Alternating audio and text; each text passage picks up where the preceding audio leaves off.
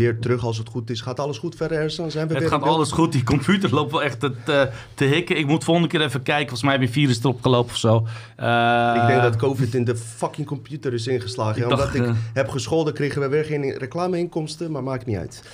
Ehm, omdat deze video waarschijnlijk nu in, eh, even kijken, als tweede video komt. Even kort samengevat. Ik heb het over Black Mirrors gehad in de eerste deel. Voor mensen die later kijken, dat ze het weten. En ik heb daar een vervolg op. Ik had het dus over een Russische wetenschapper die aan, in de jaren 30, 40 experimenten deed met spiegels. Waar best wel bizarre dingen uitkwamen. Maar het werd tegengehouden. Weet je waarom het werd tegengehouden? Omdat de Sovjet-Unie donders goed wist van die techniek. Maar die wilde niet dat dat mainstream bekend werd. Want Sovjet-Unie had ook bij, de, eh, bij hun operatie, soort operatie Paperclip, ik ben even de naam kwijt, maar de Russische, Russen hebben natuurlijk ook Duitsers meegenomen die eh, eh, ook de kennis van Montauk Project hadden en van, eh, van Philadelphia Experiment. Want wat gebeurde bij Philadelphia Experiment tijdens de tijdreizen en dat soort dingen? Mensen werden misselijk, sommige mensen raakten zodanig st- geestelijk gestoord dat ze de rest voor hun leven niet meer bijkwamen. Dus wat deden ze?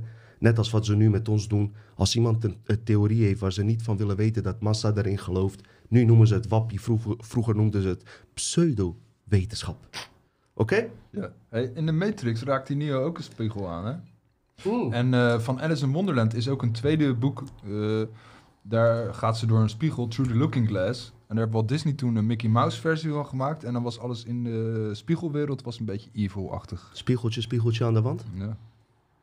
Wat deed ze toen? Ze vroeg aan de spiegel informatie vragen. Ja. Wat doen wij nu als wij informatie willen hebben?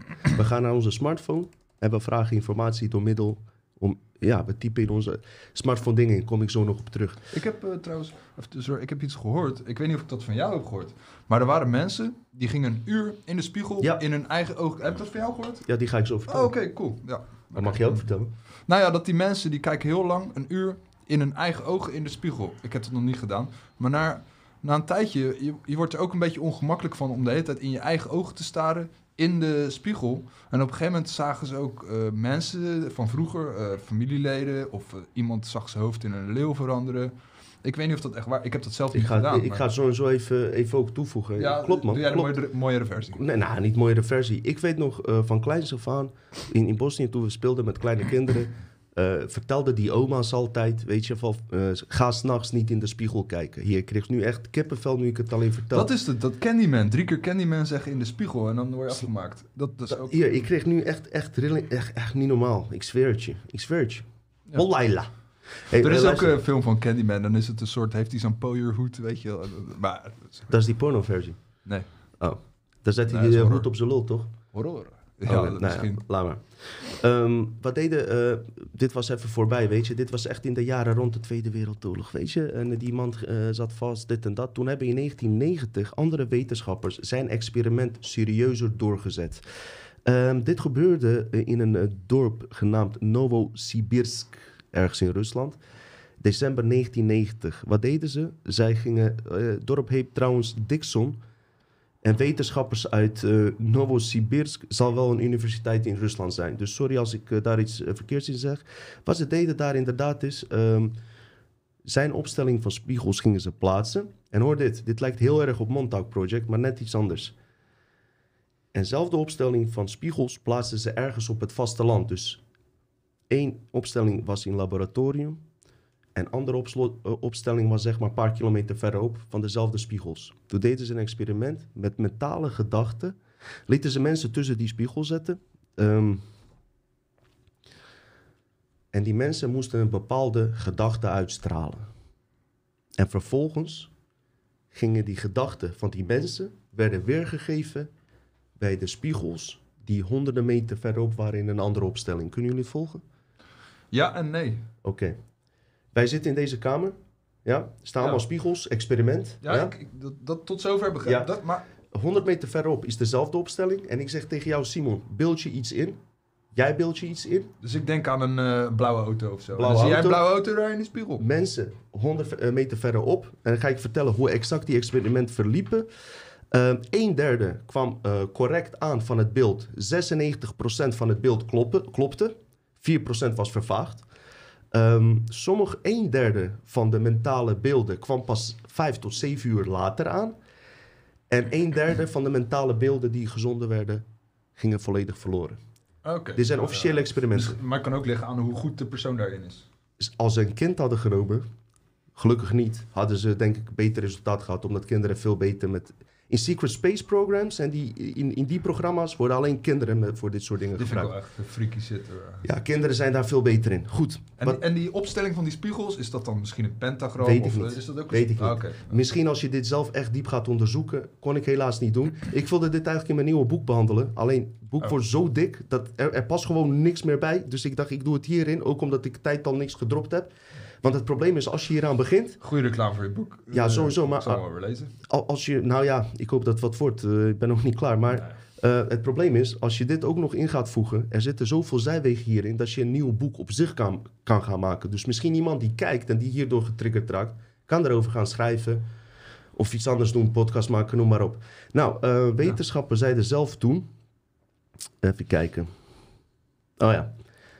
Toen ze die eens experiment deden en al die spiegels hadden staan. Kijk, die verwarming een beetje uit doen, man. Ik Ja, word is echt fucking warm. Misschien is die computer daar ook Ja, eh, dat is echt vastgelopen. niet goed.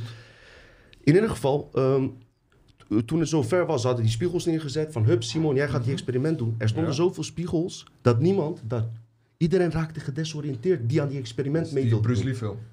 Ah, bijvoorbeeld. Alleen dit zal een andere opstelling zijn. Ja, ze waren niet het het, duurde 24 uur totdat eindelijk een van de proefpersonen de ballen had om die experiment uit te voeren. Want iedereen werd gedesoriënteerd, para, net als Philadelphia-experiment. De vloer ook. Weet ik niet. Maar, maar de ooggetuigen zagen boven het laboratorium een soort pollicht verschijnen tijdens het experiment. En ehm conclusie was dat alle eh, proefpersonen... Dat is de Aurora Borealis, die, eh, Ja. die groene golven. Ja, ja, Oké, die, die, verschenen. boven die spiegels. Ja, dat hebben ooggetuigen gezien van die experimenten. Oké. Onderzoek het zelf verder. Ja. Zo en zo, weet je. Eh, Ja, ik, Ehm, je wel. hoor. Ze hadden een probleem. Ze konden die experimenten niet lang doorzetten, omdat elke eh, proefpersoon zo duizelig werd en zo ziek werd dat hij gewoon niet verder kon gaan. Snap je? Want je raakt werkelijk waar in een andere wereld. Zou het dan kunnen dat bijvoorbeeld eh, gamers, die al gewend zijn om hun visie in een ander perspectief te zetten, daar misschien beter tegen kunnen? Omdat Kan. je first person, third person, O- baart kunst. Weet je? Ja. Ja. Sommige mensen zagen zichzelf in een derde vorm, vanaf de zijkant. Sommige mensen traden op uit hun lichaam. Sommige mensen zagen zichzelf in het verleden en hoorden ze hun eh, voorouders praten. Of, of hoorden ze dingen die ze 30 jaar geleden hadden gehoord, hoorden ze terug. Dus de vraag was, zijn ze door de tijd gereisd? Is dat de reden? Of is er iets anders aan de hand? Dat ze dingen terug hoorden van vroeger. Dat was een beetje het, het experiment. Ehm, toen deden ze nog een onderzoek. Toen besloten ze om een verdere afstand te nemen. Dus niet 100 meter verderop, die tweede spiegelopstelling. Jullie volgen het allebei. Even Ja, kijken ja, of... eh, tuurlijk. Oké. Ja, ja, ja. Je zit Toen- niet tegen een muur te praten. Nee. In Ehm, de camera.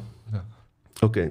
Dus in dit geval wa- was zeg maar die andere opstelling van spiegels van 100 meter verderop. Die tweede keer, wat ik sowieso niet begrijp, wat ik raar vind, deden ze experiment samen met Groot-Brittannië. En vanuit Rusland werd de, een, werd, werd de opstelling gezet zoals dat eerst deden. En de tweede opstelling was in Engeland. Oké? En ze probeerden dus via Rusland mentale beelden naar Engeland te sturen via die opstelling. En wat waren de resultaten? 96%, want ze hadden die techniek iets verbeterd. 96% was gewoon, kwam gewoon aan. Maar er kwamen 70 vreemde tekens naar voren. Die mensen niet konden. waren mystieke te- tekens uit de tijd van, eh, van Sumerië, Anunnaki shit en zo. Ouderwetse alfabet. Ja, eh, maar ook alfabet die ze nog nooit eerder hadden gezien. ja, dan heet het eigenlijk geen alfabet, maar Nee. om... eh, Snap je? ja. Dus er kwamen tekens naar voren via die mentale beelden die nooit werden gezien. Mystieke tekens. En ooggetuigen melden dat bij die specifieke eh, experiment, toen die gebeurde, boven het laboratorium, zowel die pollicht was als een UFO. Een UFO was verschenen. Hmm. Heel interessant.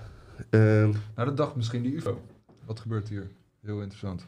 Kan. Of ze, waren, ze hebben een eh, bepaald veld opgezet waardoor er meer. eh, waardoor we dingen kunnen zien die we normaal niet kunnen zien. Want ik heb gehoord dat die UFO's eigenlijk constant hier zijn. Maar omdat onze eh, zicht gewoon niet eh, gefilterd is, gecamoufleerd is, zien we ze niet. Maar het schijnt dat er constant hier schepen vliegen boven ons, zeg maar.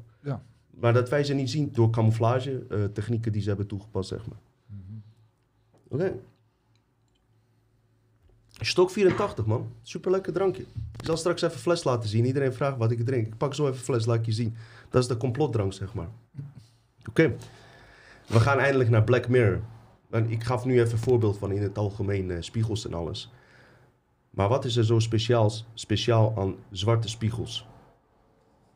Vroeger al, wat eh, we net vertelden, ik hoor een hele rare ruis. Hoor je dat? Je hoort die auto's buiten, omdat die ramen open staan. Ah. Oké, oké, oké. Prima. Ik hoop dat de mensen hier daar geen eh, last van hebben. Nou, Simon heeft het net over gehad. In eh, vroeger oude tekenfilmseries. Het komt niet terug, die spiegels. We staan er niet bij stil. Maar als je het nu onderzoekt, ik stond er ook nooit bij stil, ga je er wel beter op letten.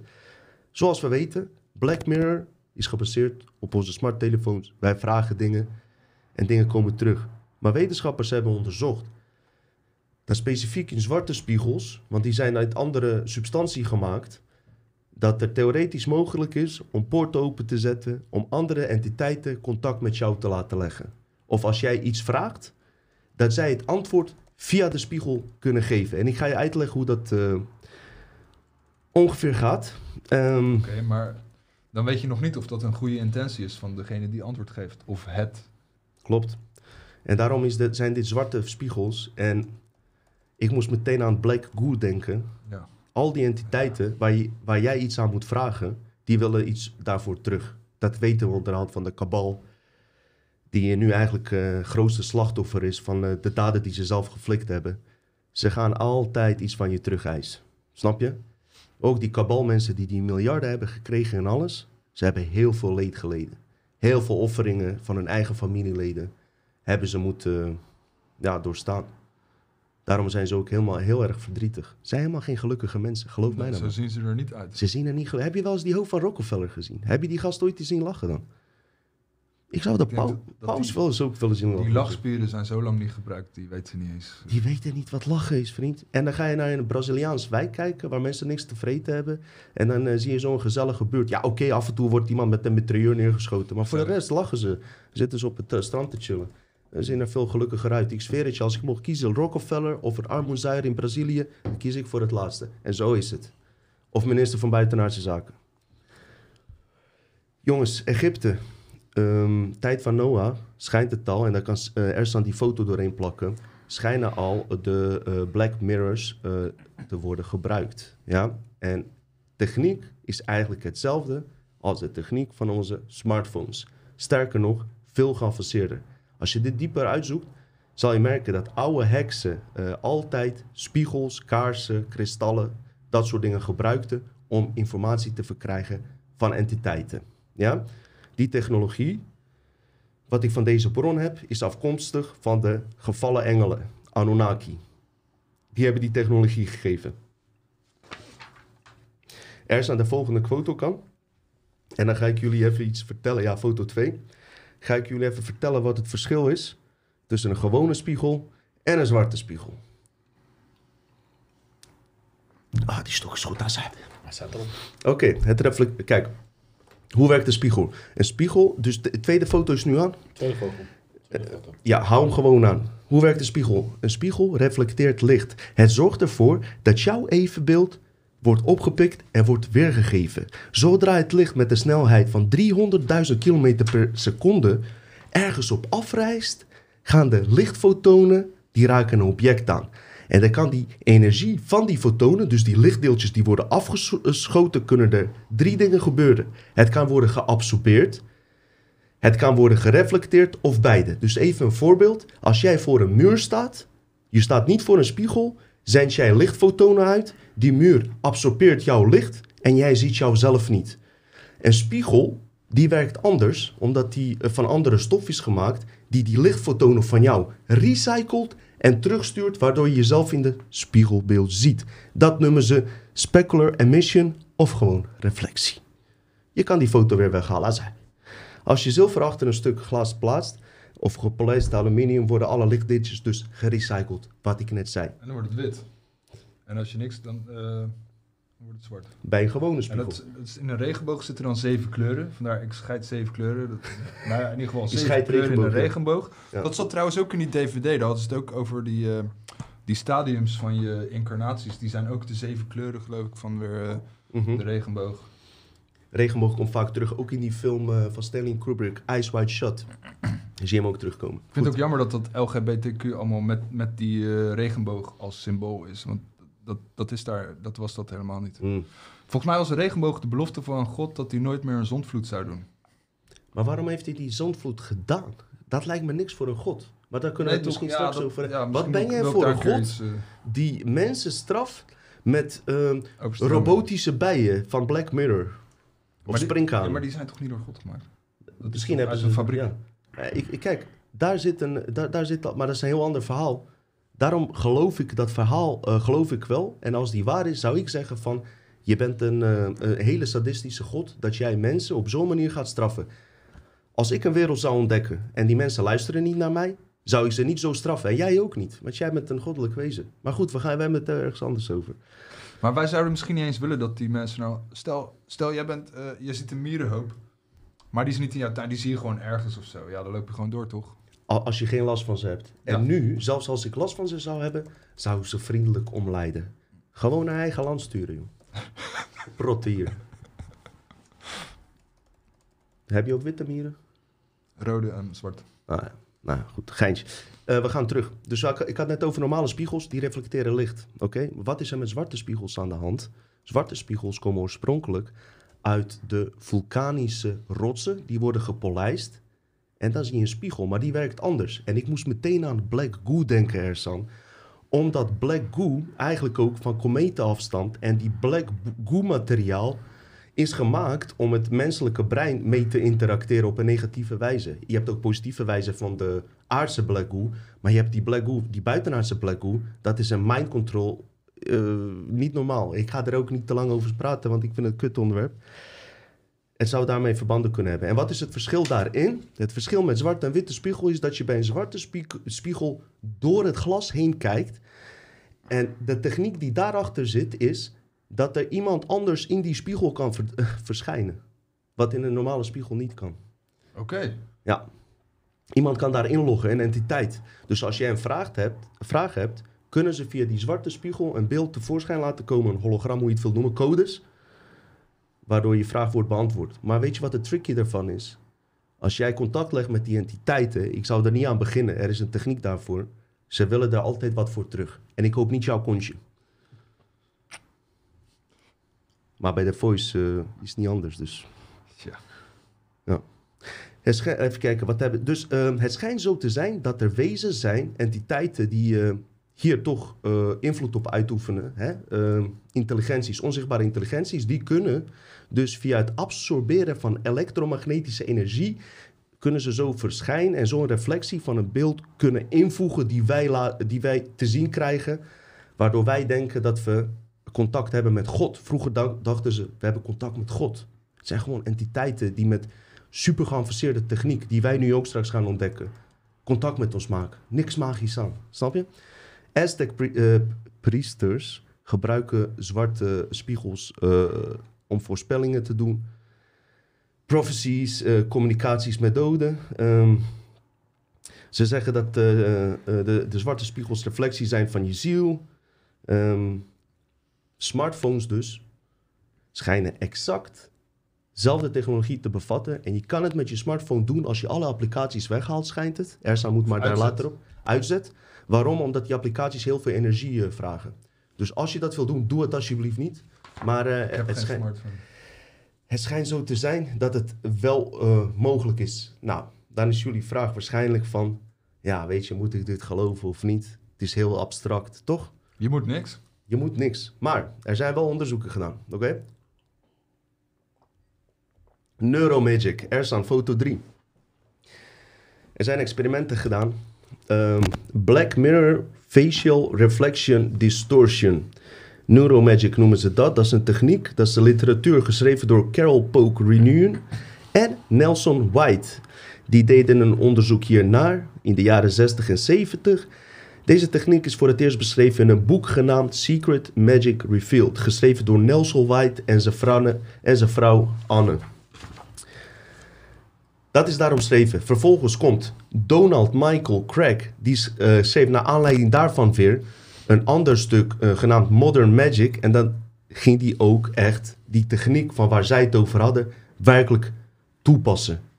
Hij kwam in contact met 72 spirits. Hij wist alle details van ze. Hun achtergrond, specifieke krachten waar ze goed in waren. Ehm, eh, alle details wist hij. Hij was gewoon soort van bevriend met die entiteit. Hij kon alles tot die details. Ja, die hij in de spiegel zat ontmoet. En hij had ook 70 tekens gezien die hij niet kende. Waren die aan? 72 spirits. Nee, die, te- nou, die tekens gewoon- was die experiment met... eh, met eh, sorry? Mag het beeld al... eh, Ja, hij mag, hij mag eruit. Ja, want er komt nu een nieuwe beeld, beeld 4. Want daarna is er nog een andere onderzoeker gekomen. Die heette Giovanni B. Caputo. Nou, Waarschijnlijk in uh, Italiaan. Ze hebben zulke mooie namen, Italiaan. En die Italiaanse koffie zo lekker. Oh, wow. Alleen die mannen die zitten altijd aan mijn kont. Ik vind het zo vervelend als ik in Rome loop... dat al die eh, pauzen achter mijn kont aanlopen. Maar maakt niet uit.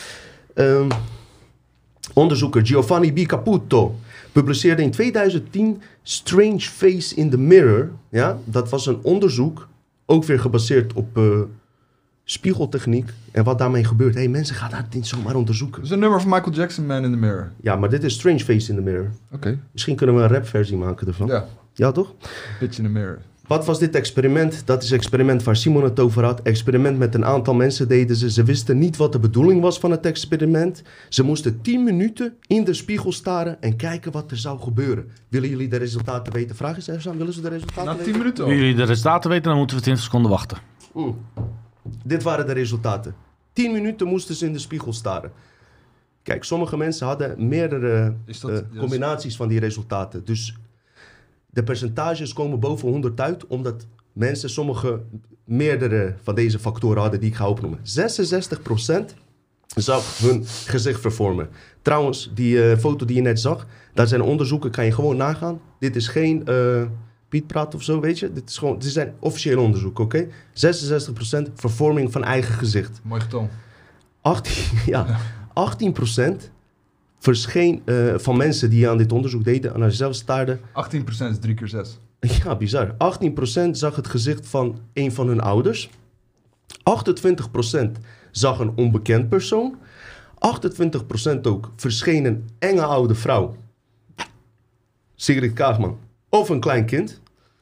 Hoe heet dat? eh, Een oude vrouw, zeg je toch? Ja, een oude vrouw. Waarom zeg ik Sigrid Kaagman? Maakt niet uit. 18% zag het gezicht van een dier, kat, varken of een leeuw. Yes, Oké. animal. 48% zag monsterachtige wezens. En bij 1% verscheen er een dickpic van Mark Overmars. Zo.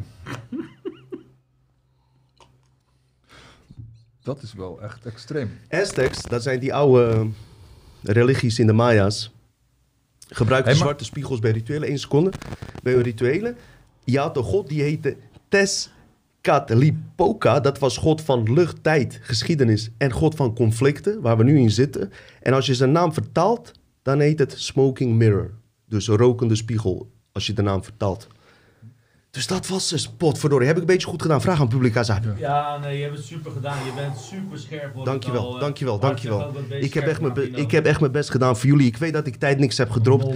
Ik had geen tijd om een, eh, dit, Mooi, man. dit soort afleveringen horen eigenlijk opgenomen te worden. Met later beelden er doorheen. We hebben er geen tijd voor. We willen gewoon ehm, misschien op deze manier vaker weet je, naar voren komen. Maar dan moet het op deze manier. Ersan kan af en toe foto's doorheen plakken. En als jullie op, op, prijs stellen, kunnen we dit vaker doen. Ik Dus wil wel wat zeggen. ja, zeg maar. Dus eh, ik dacht dat het een uur was. Maar 10 minuten is eigenlijk helemaal niet zoveel. Nee. Ik heb zitten denken, ga ik dit zelf doen? En toen dacht ik, ja, wil ik dat zelf doen?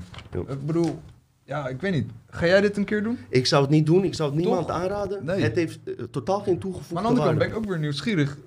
Want je weet Ik wel niet. dat... Het, ja, ik weet niet. Ik, ik ben er niet bang voor dat je er dood aan gaat of zo. Nee. Ik denk ook als jij goed in je vel zit en jij, bent eh, jij besef je van eh, hartsfrequentie en alles, dat je hier niet bang voor hoeft te zijn. Maar ik ga niet met eh, Maar dit niet, soort dingen niet te spelen. adviseren, hè? nee, ook met, Nee. ik heb al eerder gezegd, ook die Black Goo, hè. Hou je niet te veel daarmee bezig, jongens. Geloof mij nou maar. Ik, je hoort mij nooit over dit soort shit, maar nee. Ik zou het afraden. Maar als je het per se wil, zeg ik ook niet dat je daar dood aan gaat of zo. Zeg ik niet. Maar je moet wel heel goed ehm, weten wie je bent, zeg maar. Ja, vooral die dickpic maakt me zorgen. Ja, over Mars. Het ging niet over snikken, maar over Mars. Kunnen ook eentje krijgen. Gaan jullie mij ook wegsturen, jongens? Want het kan zo gebeuren dat eh, mijn dickpic ook ergens rondzwerft. eh. ik wou echt... wat wat ik- gaan, wat ik- gaan we dan hè, doen? Als er iemand is, als je nu een poll ver- eh, eh, wie zou een dickpic sturen, weet ik zeker dat jij wint. Je kan hem Ik heb neerzetten. dat nog nooit Goed, gedaan. ik, Wat zullen we doen? Zullen we Ersan laten aanschrijven? Tuurlijk. Ja, kan je ook aan het publiek maar, vragen of zij een ruis horen? Ik hoor Nee, ruis niemand hoort ruis. Het gaat helemaal goed. Het is je Ehm, het was net even, ik heb de instellingen vandaag heel hoog gezet Ja. voor de beste kwaliteit. En dat was net even een tikkeltje te hoog voor de computer om het aan te kunnen. Oké. Ik stel voor, eh, als jij niks hebt, dat Ersan even komt zitten. Ik heb nog wel wat hierna, maar, maar dan komt het Ersan maar hierna. even, Eh, komt ben- Ersan even bij ons zitten, weet je? Ja. Ik, zet het even een dat- foto op, zodat ik eh, eh, rustig kan eh, Heel bewegen. professioneel. Horen ze mij wel door die foto? Ze horen jou zeker door de foto. We Oké, vervagen jou heel voorzichtig. Tussendoor wil ik zeggen dat ik zo blij ben dat ik met mijn twee vaste gasten van Dutch Matrix ben. Ik hou van alle mensen die hier komen, sowieso onze gasten en alles. En ik heb laatst ook tegen iemand gezegd, eh, weet je, die hier wilde komen een beetje moeilijk ging doen. Ik zeg, hey, Ze zien niet. ik zeg, hey, luister. Mensen willen Ersan en Simon zien, weet je. Wij hoeven niet per se nieuwe gasten. Ga nou niet een stoel lopen doen. Snap je wat ik bedoel? Weet je van, ik ben dit of dat. Wij hebben geen gasten überhaupt nodig. Snap je? Dat is onze sterkste kant ook. Maar Ja. ik ga er maar niet diep op in. Weet je? Ik ben nog niet dronken of zo, dat ik heel eerlijk kan gaan praten. Ik wil nog zoveel zeggen, maar het is beter dat ik dat niet doe. Ik ben blij dat Ersan er is. Ik ben blij dat jullie naar ons kijken. Ik wil jullie bedanken dat jullie Dutch Matrix hebben gemaakt tot wat het is. Zonder jullie waren we er niet. Want als het aan onze collega's wa eh, lag, waren wij er helemaal niet. Hè? Dat wil ik zeggen. mensen, ja, Dankjewel. zeker, man. Applaus Dus, voor jullie eh, fucking is, zelf. eh, Applaus voor jullie zelf. ding. Oh nee. Er is wel wat ruis. Er wordt ook, je hoort ook wel wat ruis. En ik denk dat we dat een keer Dat morgen is die Black Goo. Dat zijn die... of volgende week even moeten dat uitzoeken. komt dit. door het onderwerp. Eh, hoorden de kijkers die ruis dan? Is er misschien een timmerman aanwezig die ons kan helpen? Hoorden de kijkers ruis? Eh, heel klein beetje horen de moderators een beetje ruis, maar niet te veel. Oké. Man, het is weer leuk dat ik er ben. Het is ook nog Welkom, live ook nog eens. Ja. Ja. Ehm, heb je nog wat leuks te vermelden, Dino? Of ben ik gelijk aan de beurt? Ga maar knallen, gozer. Ga maar knallen, jongens. Ja, ik hou het altijd een beetje eh, actueel. En eh, dit keer eh, dacht ik echt bij mezelf... wat de fuck is er aan de hand, mensen? Ik ga het hebben over Joe Rogan. Joe fucking Rogan. Jullie kennen het wel, jullie hebben het vast wel gehoord. Iedereen heeft vast een mening erover. Wat is er allemaal gebeurd? Joe Rogan. Joe Rogan zegt sorry. Hij zegt sorry. Waar zegt hij sorry op eigenlijk? Nou, die man, die podcaster, ik, ik, hoef, ik hoef Joe Rogan aan niemand uit te leggen natuurlijk wie hij is. Die is beschuldigd van heftige, eh, misleidende informatie eh, op de media. En dan denk je bij jezelf van, wauw, wauw, nou, als, als het zover komt, wordt het wel te heet onder voeten. Maar daar ga ik even verder op. Nou, Waarop is het dan misleidend? De informatie gaat eigenlijk precies over twee afleveringen, waarvan je dan denkt van, is dat misleidend? Want de doktoren met wie je eh, praat is eentje is eh, Peter McCullen en eh Dr. Robert Malone. Ehm, ik ben eh, wel eh, deels wat fan van eh, Joe Rogan. Ik kijk wel zijn afleveringen. Ik kijk niet allemaal, maar meeste of sommige intrigeren mij, mij wel echt dat ik aandachtig blijf kijken. En die met Peter McCullen en met Robert Malone, die hebben zeker mijn aandacht verdiend. En dat ik dacht van nou, jongens, dat is wel netjes. Eh, Dr. McCullen is een eh, topcardioloog, dus ook echt een hoogleraar met vele publicaties die in zijn vak echt eh, heel veel eh, publicaties uitbrengt en heel veel eh, scientific nieuwsbladen. En eh, Dr. Robert Malone, die, die eigent niet één, maar negen patenten op mRNA-techniek. Dus alleen de techniek, niet op de vaccin.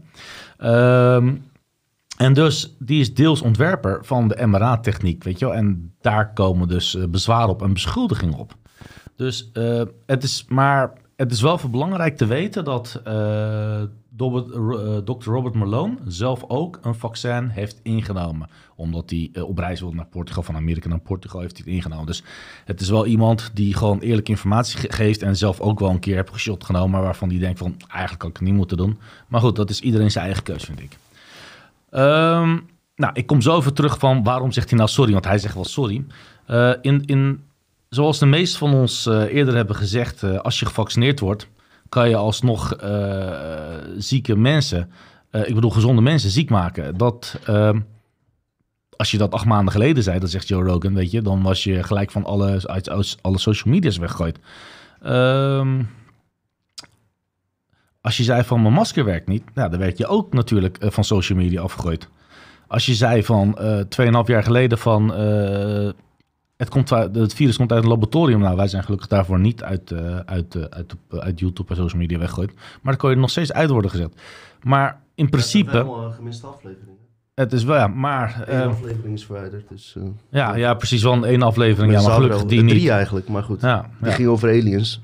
Maar als je, belangrijk. ja, maar als je even logisch nadenkt, hè, twee eh, heftige doktoren, twee echt, eh, eentje die eh, mensen die veel hebben meegemaakt, mee hebben gewerkt aan mRNA-techniek, eentje, eentje die eh, onwijs veel ar- artikels publiceert. Die mensen spreken vol recht uit het hart. Weet je. je kan ze voelen, je kan die harttrillingen voelen. Ze zitten niet in autocue. Bij ons is er ook niet autocue. Ik heb mijn laptop voor me, hij heeft zijn bladen voor me, maar wij kunnen niet gewoon naar jullie kijken en gewoon oplezen wat we moeten doen. Bij ons is het puur en natuurlijk en menselijk.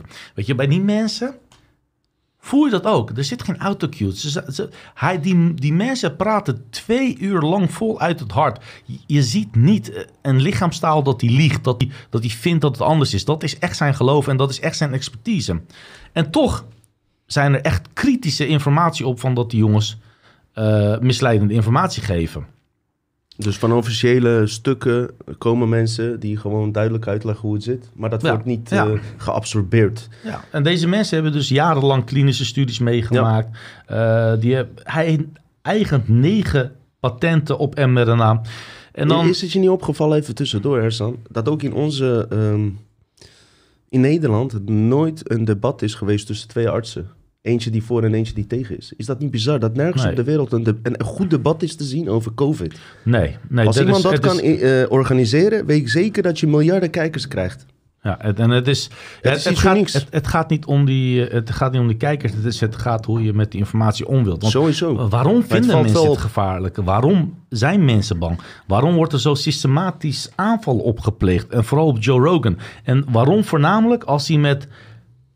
Als er, als er iemand komt met bullshit informatie en een redneck en die zegt... "Ah, I don't want to take vaccine, vaccines are bullshit. Nou, dit ging ook een beetje over, om het woord nigger, zeg. Oh shit. Ja, nee. Eh, hij heeft het woord nigger heel vaak achter elkaar ge- gezet. En ik vind Maar dat, daar hadden ze al twintig jaar de tijd voor om op te reageren. Waarom nu?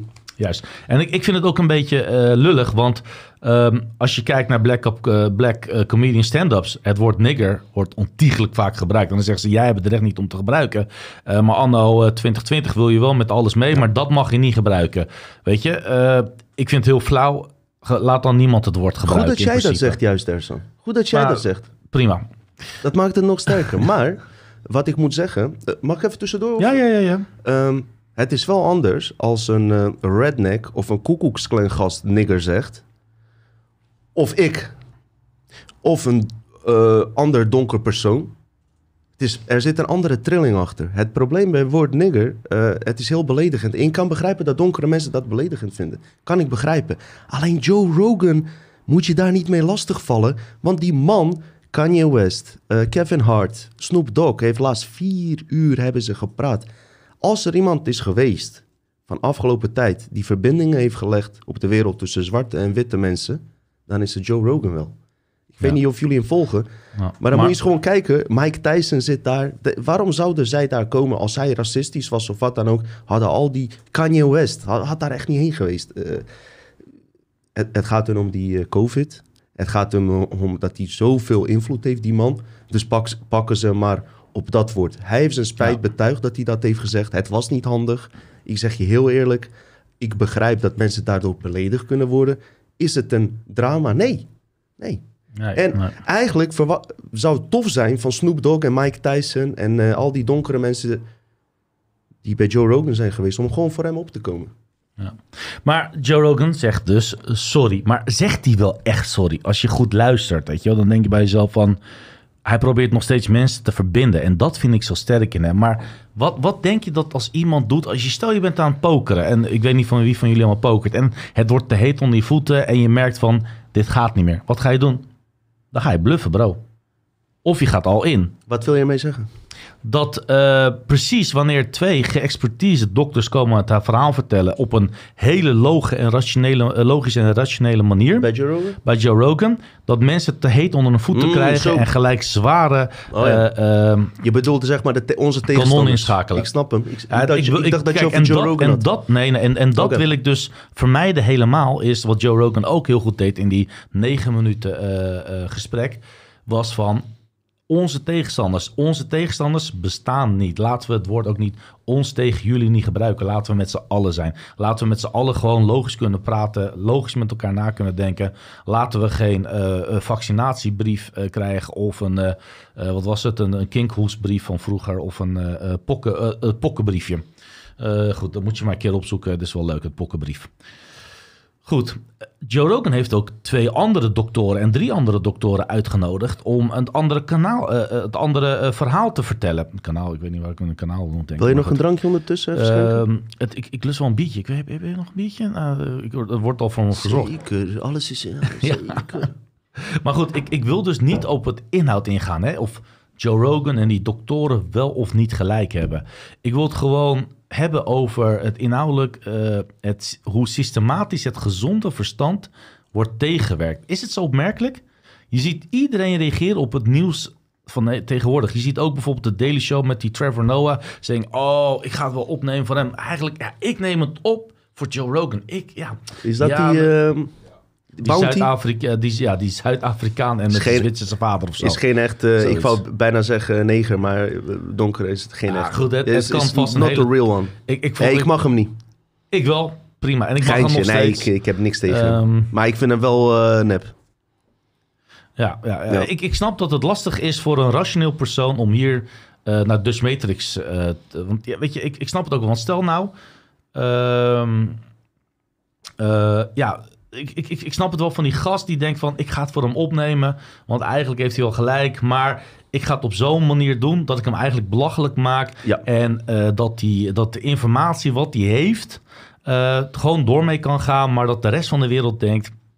Het is een Ah, bullshit gast. sa- sarcastisch? Sarcastisch ook Ja. wel. En ook wel een beetje dat je denkt Zo van... werken zij. Dat zijn ze.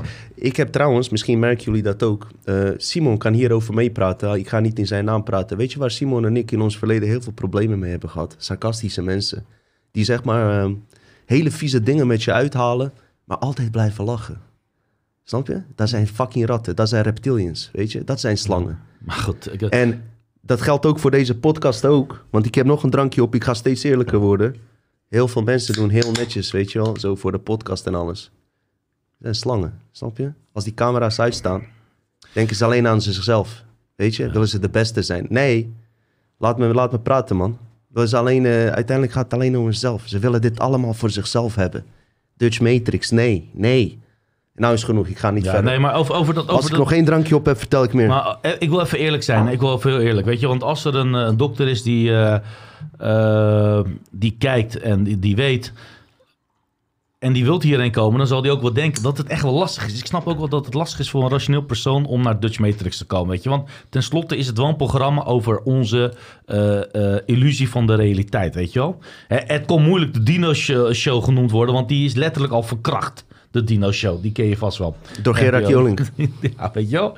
Eh de oud mensen lekker eh, simpel bezig zonder enig doel. Heerlijk. Het Nou, is ook egoïstisch om dit Dino-show te noemen. Nou, Dan je- zou het over mij gaan, weet je wel. Nou, maar ik, Daar ik hou ik bedoel, ik bedoel het over de ik ga ook Dino mijn Show foto verwijderen van die profiel. Dus dat is dus wat anders. Dus weet je, je moet wel heel erg sterk in je schoenen zijn eh, en te kunnen verkopen aan je rationele mi- milieu.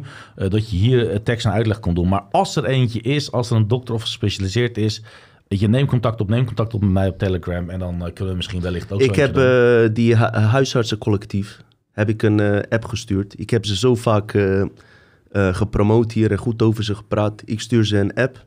Ze antwoorden me niet eens terug. Weet je maar- waarom? Omdat ze toch zeg maar begrijpen vanaf hun gebied dat er iets niet klopt.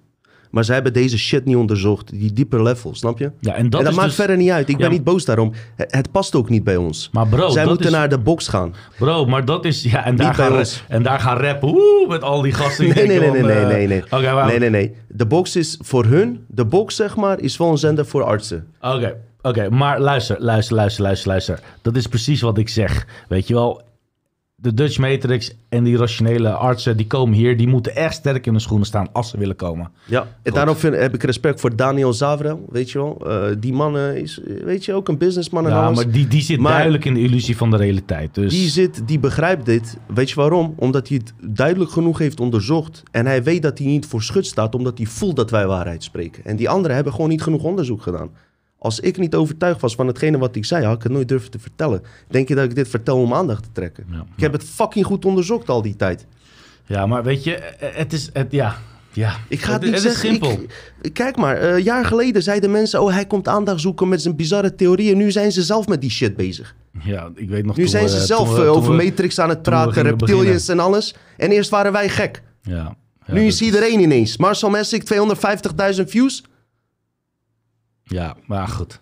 Eh, ik vind het goed dat ze ontwaken. En als ze het doen eh puur voor de dat- het realiteit, dan Het is eh, het is sowieso goed voor Eerlijk hun. eerlijk. Voor, voor ons is mee. ook goed dat meer mensen ermee Precies, bezig zijn. precies. Sowieso. Weet je, Wij worden ook nu serieuzer genomen. Ja, maar ja, het, het, het leven zou ook wel heel simpel zijn geweest eh, als het nieuws nooit eh, het, het nieuws zou verdraaien of liegen, leugens bij elkaar. Weet je wel? Eh, waarom politiek bedrijven als iedereen toch het beste met elkaar wilt en als iedereen toch samen dezelfde kant op kan kijken? Weet je, waarom moet je dan gelijk iemand dwingen? Ik haal mijn muziek hier vanaf en nog meer gasten. Die zijn meestal oud en grijs, net zoals onze OMT-vertegenwoordigers en het Gezondheidsraad van Nederland, die eh, allemaal eh, insulinepatiënten zijn. Goed, het maakt Hey, kunnen we het even, even beknopt voor mijzelf, misschien ook voor de kijker. We hebben het over Joe Rogan. 71 eh, af van zijn afleveringen zijn van Spotify verwijderd. Nee, ik wil nee, er wat nee, meer nee, over nee, nee. weten. Ja, ik, ik, het is bij. allemaal mijn verhaal nog, dus Sorry. dat wil ik allemaal nog erin zetten. Eh, Joe Rogan heeft zelf ongeveer een aantal stuks, volgens mij uit mijn hoofd 13 afleveringen zelf verwijderd. Want kijk, Spotify is een Zweedse organisatie. Wat heeft Zweden eigenlijk, of Sk- een, Scandinavische organisatie, wat heeft Scandinavië eigenlijk tot nu toe echt met corona gedaan? Bijna nihil, bijna niks. Eh. Dus het zijn hele nuchter, hele open mensen. Ze hebben Joe Rogan ook 100 miljoen dollar gegeven om die eh eh Maar het ging aan het begin al mis, hè? omdat die Alex Jones had uitgenodigd. Die afleveringen moesten verwijderd worden omdat het over complotten ging. Het ging al vanaf moment één mis met Spotify en Joe Rogan. Nou, maar tot nu toe is er nog geen één keer verwijderd tot nu. Dus, hij eh, moest, eh, kijk, hij had een contract getekend met hun. Ik, teken oh, die 100 achter, miljoen. eh, ja. Hij zegt, ik teken die 100 miljoen, geen probleem. Maar ik wil, wie ik wil, komt in de uitzending en jullie hebben daar geen invloed op. Nou, dat is toch goed, Wat toch? gebeurt er? Hij gaat ze uittesten. Hij nodigt meteen Alex Jones uit. En eh, ik mag Alex Jones nog steeds. Mensen kunnen praten wat ze willen. Maar eh, die man was vanaf dag één erbij. In mijn ontwakingsproces waren David Tyke en Alex Jones een van de weinigen die überhaupt bestonden. Ik mag hem, oké? Maakt verder niet uit. Hij heeft dingen geroepen waar ik helemaal niet achter sta. Hij maakte een aflevering met Alex Jones en ze beginnen al te klagen. Het, het begon meteen al, dat gezeik. Vanaf dag één, met Spotify zelf, hè? Begon al meteen. Hij heeft ze duidelijk gezegd: eh, ik neem die 100 miljoen aan en ik ga niet op YouTube, maar ik doe mijn eigen shit. Dat heeft hij duidelijk gezegd, vriend. Ja, en maar- toen ging Spotify zelf moeilijk doen. Waarom?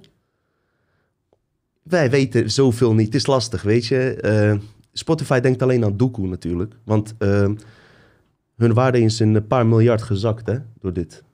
En daar kun je 100 miljoen veel vinden die ze aan Joe Rogan Ja, geven. Maar Joe Rogan is- verdient, miljarden voor hun. Geloof me, hun, hun, hun, hun, hun aandelen zijn misschien gezakt, maar hun, hun ledenaantal is niet gezakt. Er, ik heb geen enkel artikel gelezen dat hun ledenaantal verminderd is geworden.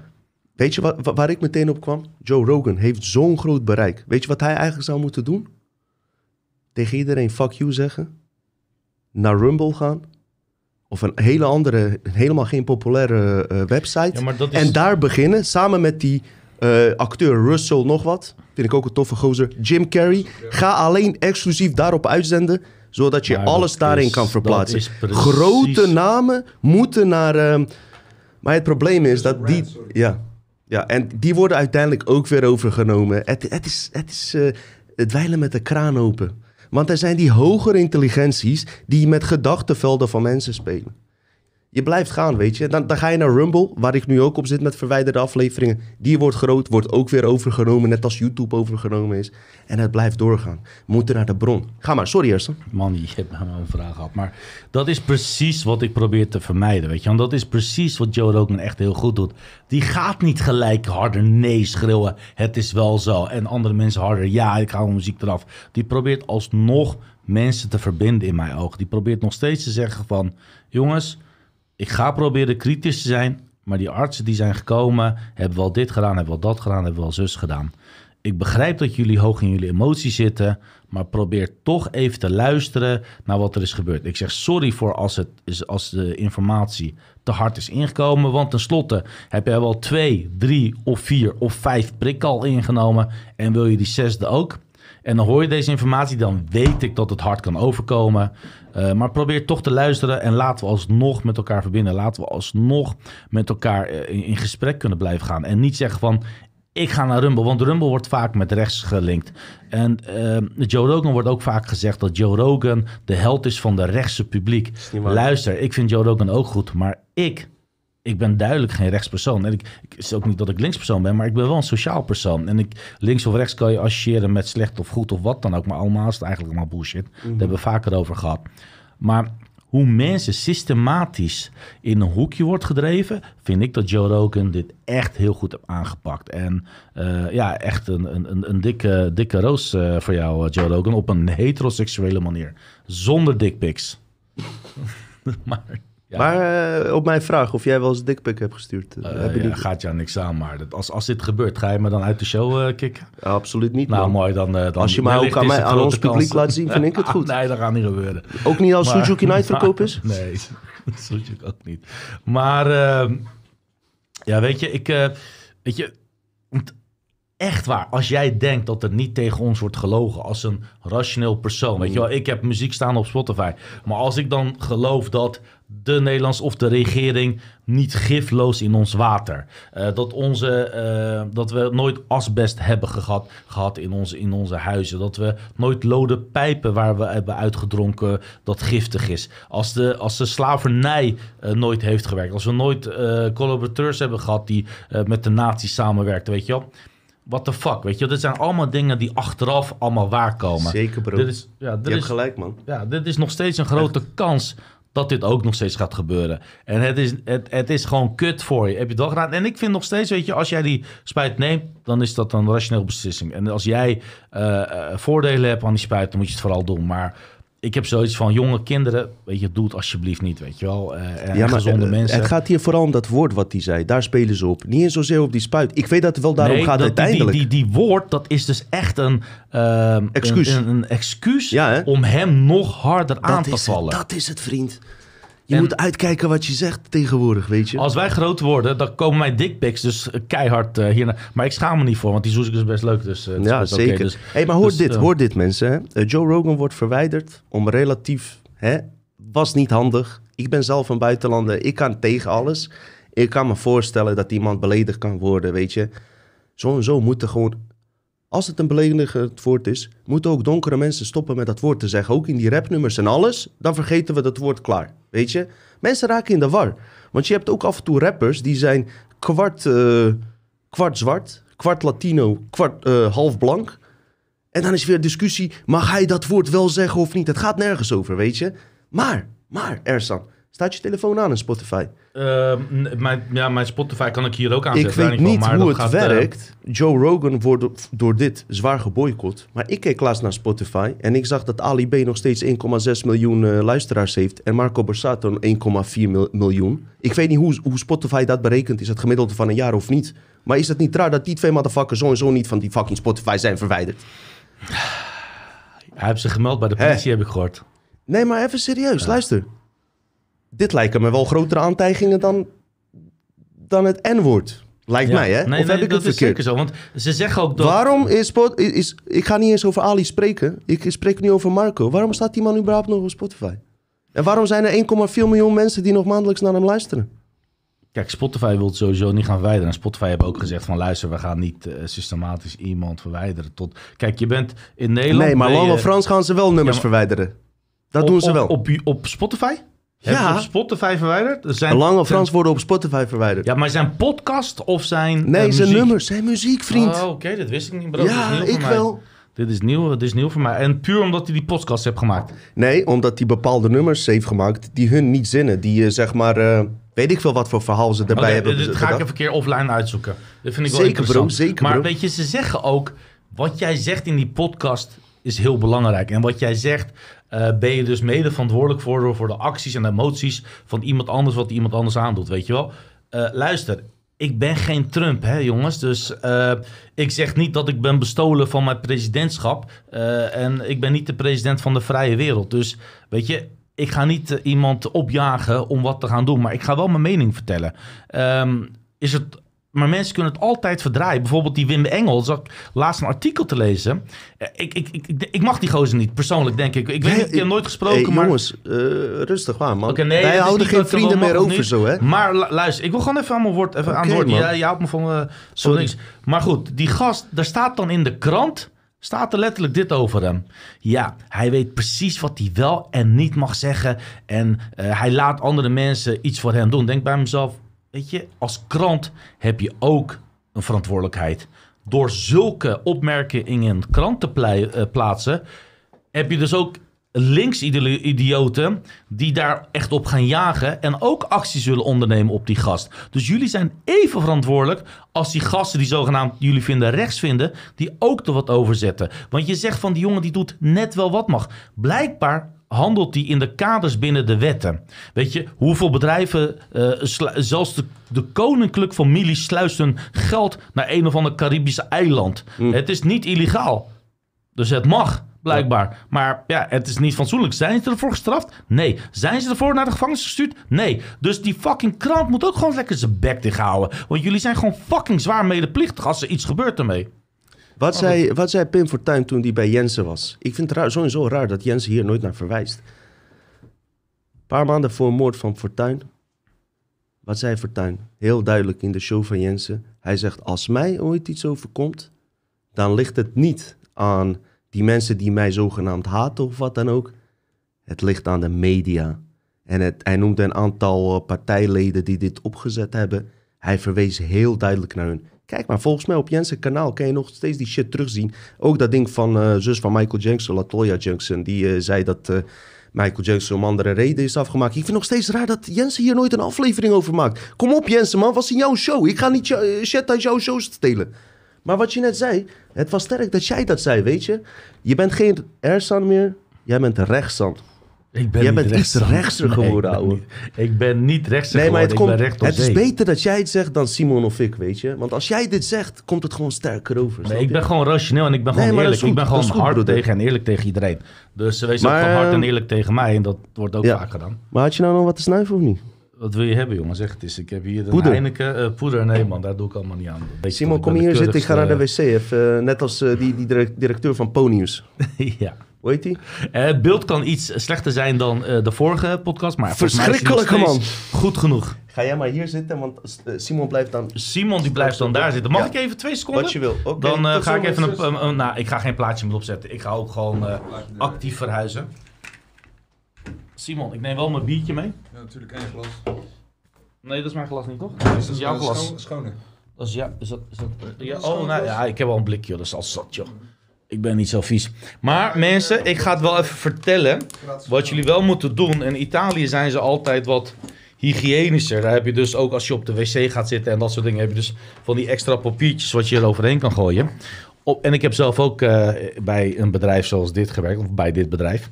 Eh, blikjes moet je altijd wel even extra schoonmaken. Bij Italië zie je altijd een zilverfolietje op. En waarom is dat nou zo? Omdat eh, over die fabrieken kunnen ook eh, ratten zijn en ongedierte zijn. En die kunnen over die blikken heen lopen of tussen die blikken zijn. En dan kunnen hun uitwerpselen, scheid en pis dus, eh, of braakselen, op zo'n blikje doen. Dus het is letterlijk giftig en het kan wel eens voorkomen. Dus vandaar dat je even altijd wel even zo'n blikje schoon moet maken. Ik, ik maak hem soms wel schoon. Dan kijken collega's naar me aan van... joh, wat ben je sissy? Maar ik heb zelf in bedrijven gewerkt waar blikjes voorkomen... en dat je denkt ongedierte en ze worden wel geclassificeerd vaak... maar het kan voorkomen dat echt er eh, eh, shit op zit. Letterlijk shit. Ja, Simon, je bent een baas, ik al. Laat Simon praten, Lan. Mensen hebben geen zin in mij, dus... eh, Kan jij vanaf hier ook die plaatjes laten zien, toch? ik kan vanaf hier ook die plaatjes Ah, laten zien. Zeg jij maar welke eh, plaatje en ik laat hem zien. Ik ga naar... ik laatst...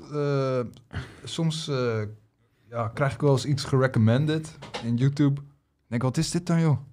Lil Nas X Montero. Eh, muziek van tegenwoordig. Ik, weet, ik ben helemaal niet meer op Je moet mij wel even laten weten wanneer je het plaatje wil laten zien en wanneer niet. Eh, ik zal het eh, wel even zeggen. Dan, Ik ben niet op de hoogte van moderne muziek.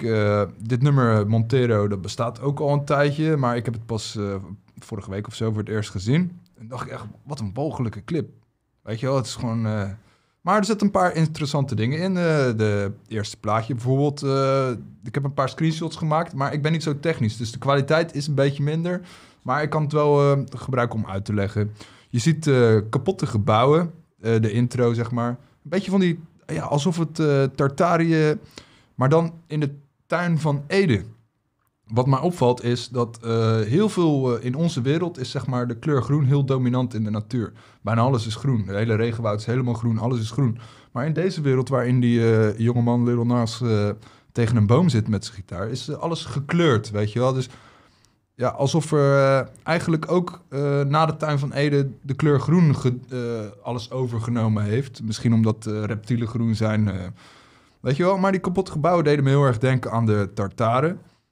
En de, de Matrix-film heeft ook die groene laag eroverheen. Eh, ja, ik, ik maak verbindingen. Misschien eh, is het niet logisch, sommigen wel. Maar in ieder geval, de, de- het volgende plaatje zit hij bij een boom. En dat is een soort appelboom. Weet je wel, net zoals in eh, het verhaal van Adam en Eva, dat hij bij een boom zit en dan komt er een slang. Wat mij opvalt is, in dit verhaal van de clip is er geen Eva. Het is gewoon alleen die man, die zit bij een boom. En hij speelt zelf alle rollen in die clip. Want eh, waarschijnlijk is het een hele ijdele gozer. Of degene die de clip voor hem geschreven heeft. Het liedje gaat gewoon over seks. Maar de clip is wel eh, ja, apart. Ehm, op een gegeven moment eh, is hij aan het zingen en dan komt er een, een slang met een menselijke torso, zeg maar. Een, een vrouw die, ja, maar hij is dat zelf, weet je wel. Daar, daar gaat hij dan op een gegeven moment maar, ja, seks mee hebben. Of, nee, eerst komt er een, volgende plaatje, een gezicht. Eh, is dat het plaatje die man... Ik heb nog, nee, ik vraag jou wanneer we het Oh, plaatje oké, op sorry, hebben. Of je het eerste plaatje even kan Oké, laten zien. dat ga ik laten doen, zeker. Sorry, Eh, dan eh, doe ik het even duidelijker. Dit is dan... die, plaatje staat erop. Ja, met die- wat ik een beetje aan tartaren deed denken. En er is geen groen in deze natuur.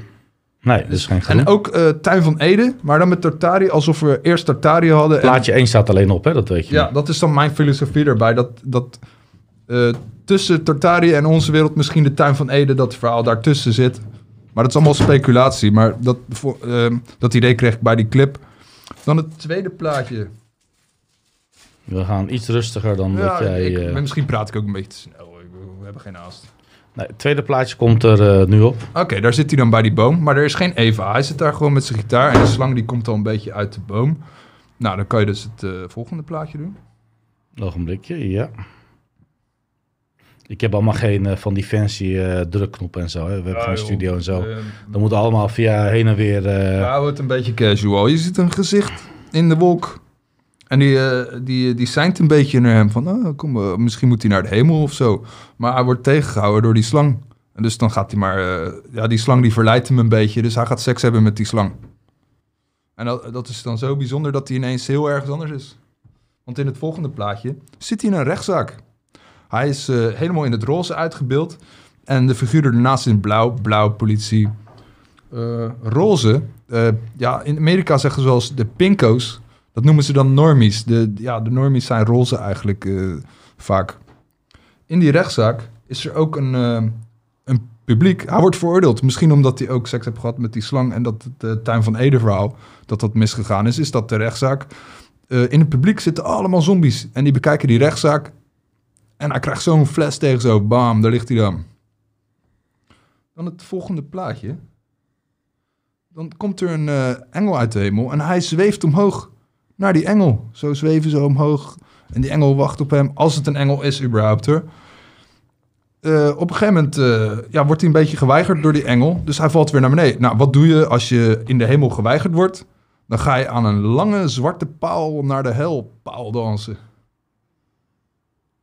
Is Deze? dat hem?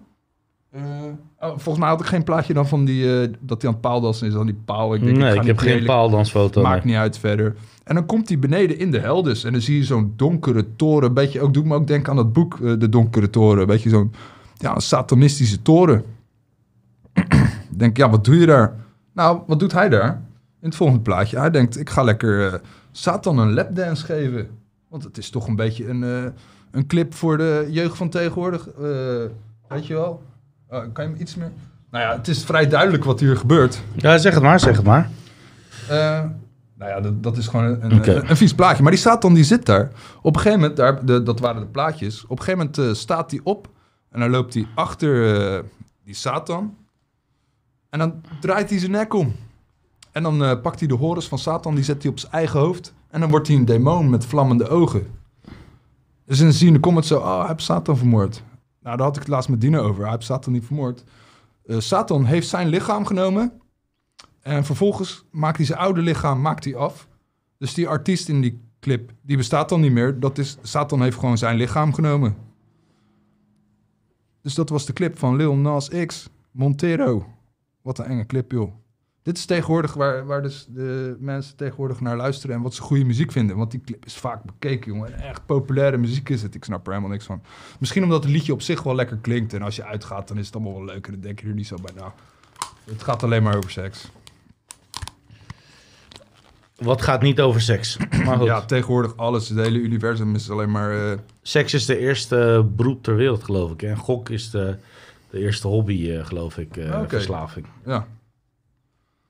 Dus dat was het. Dat was het. Dat waren allemaal dingen. Alles, al jouw dingen. Allemaal Precies dingen. zit je nu naast mijn dino's weg en jouw boekje is gewoon uitgeraakt. Ja. Ik heb een nieuw boekje, die heb ik gekregen. En eh, Oké, van wie heb je die gekregen? ja, dat, dat maakt verder Oké, niet uit. nou goed. Ja, we, we hadden het Maar- net... Ja, ja. Ja, ik vind gewoon, eh, ja, dat vroeger had je satanistische dingen. Bijvoorbeeld eh, een beetje van die black metal. Maar dat hoorde dan een beetje bij de stijl. Maar dit, deze clip vond ik zo echt, eh, ja, misschien ben ik dan, omdat ik eh, boven de 40 ben ondertussen, dat ik denk van, eh, ja, zo ja, oud, joh. ja, nou ja, dat vind ik zelf niet. man, man. Wat is er aan de hand met de wereld, joh? Met al die clips en zo. Kijk, dat het gemaakt wordt om ons te manipuleren, oké. maar dat wij dus blijkbaar als mensheid ook ernaar kijken en het echt goed vinden.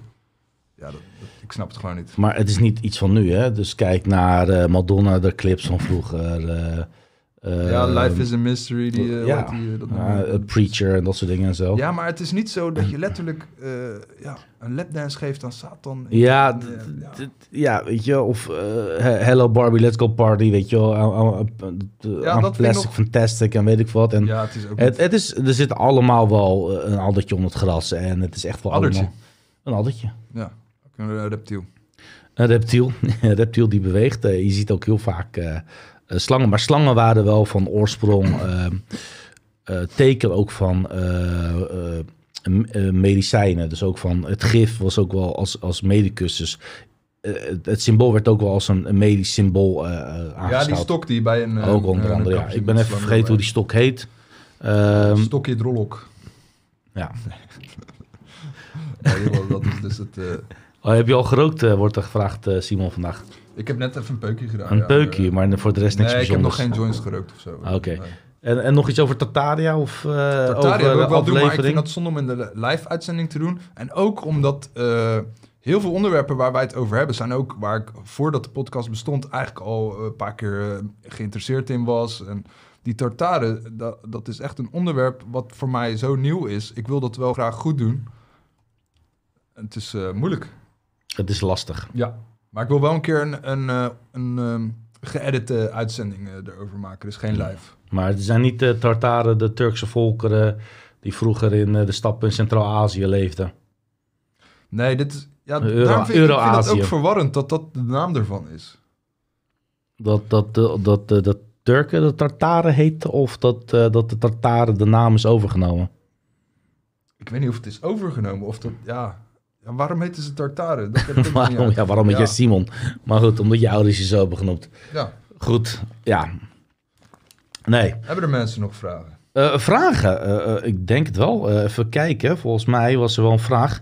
Ehm, ja, over Tataren en Flat Earth. Of je daar nog een aflevering over zou Flat doen. Earth wil ik sowieso nog een aflevering over doen, ja. Oké, ja, en, dat, dat gaat nog wel komen. En, be- ja, en beweegt de Polaris? de pol. Of die beweegt. Ja, ja. Naar mijn idee niet. Eigul 18 vraagt, kan je iets vertellen over de Kaba? Ik, heb, ik had echt een klote aflevering met die Black Goal. Ik, eh, ik voelde me ook echt kut, al die krachtenwerk tegen. Daar heb ik wel iets over verteld. eh, over de Kaba. Eh, daar kan je wel even terug naar relateren. Dus die aflevering kan je terugkijken. Simon, snuif je wel eens? Nee, nog nooit gedaan zelfs. Nee, Simon heeft nog nooit gesnoven, mensen. Hij snuift alleen aan zijn blikje bier of er geen eh, rat op heb gepist, volgens mij. Dat is wel het enige meer wat hij nu de, doet. ja, weet je, wiet, paddo's, dat soort dingen. Maar snuiven, daar word je juist up van. Tartaren Maar- en tataren zijn niet hetzelfde, maar goed, het is... Nee, het Woordverschil is het hetzelfde. dus ik moet het ook. Het is waarschijnlijk anders geschreven. Als hij zegt tartaren, denk ik aan mij tartaren. Niet aan mij, maar gewoon aan de tartaren. Dus goed. Ja. Ehm, ja, nee, eh, ik, ik wilde het graag hebben over, over de angsten. Dus ehm, ook met Joe Rogan. Joe Rogan zei dus net, het spijt me. Zei die wel echt, het spijt me. Ehm, maar voornamelijk dus de angst wat in mensen leeft. De angst eh, om je te laten vaccineren. De angst om eh, andere mensen te dwingen. Weet je, wij- ik hoef jullie niet uit te leggen wat voor rollen er allemaal afspelen. Wat voor eh, grote corpora- corporaties er niet eh, eh, beschikbaar hierin zijn. Die miljarden geld erin hebben verdiend. En eh, dat het eigenlijk ook een overschot is. En dat we worden gedwongen om die. Die, die, die, die vaccinaties in te nemen. Wat in Duitsland ook nog doorgaat. Wat ook nog in Karlsruhe door de hoogste rechter alsnog is ongegrond geklaard om eh, de vaccinatieplicht te laten stoppen voor eh, zorgpersoneel.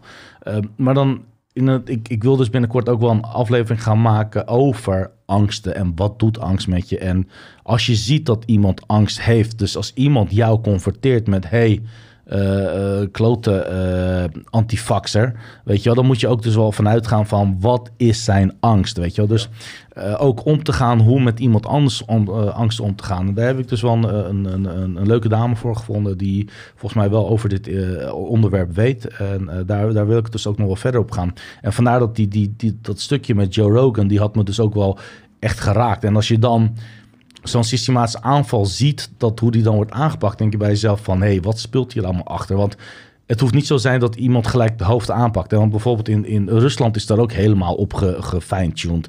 Bijvoorbeeld als ehm, Mark Rutte hier loopt te, te blaren, bla, Rusland dit of Rusland dat.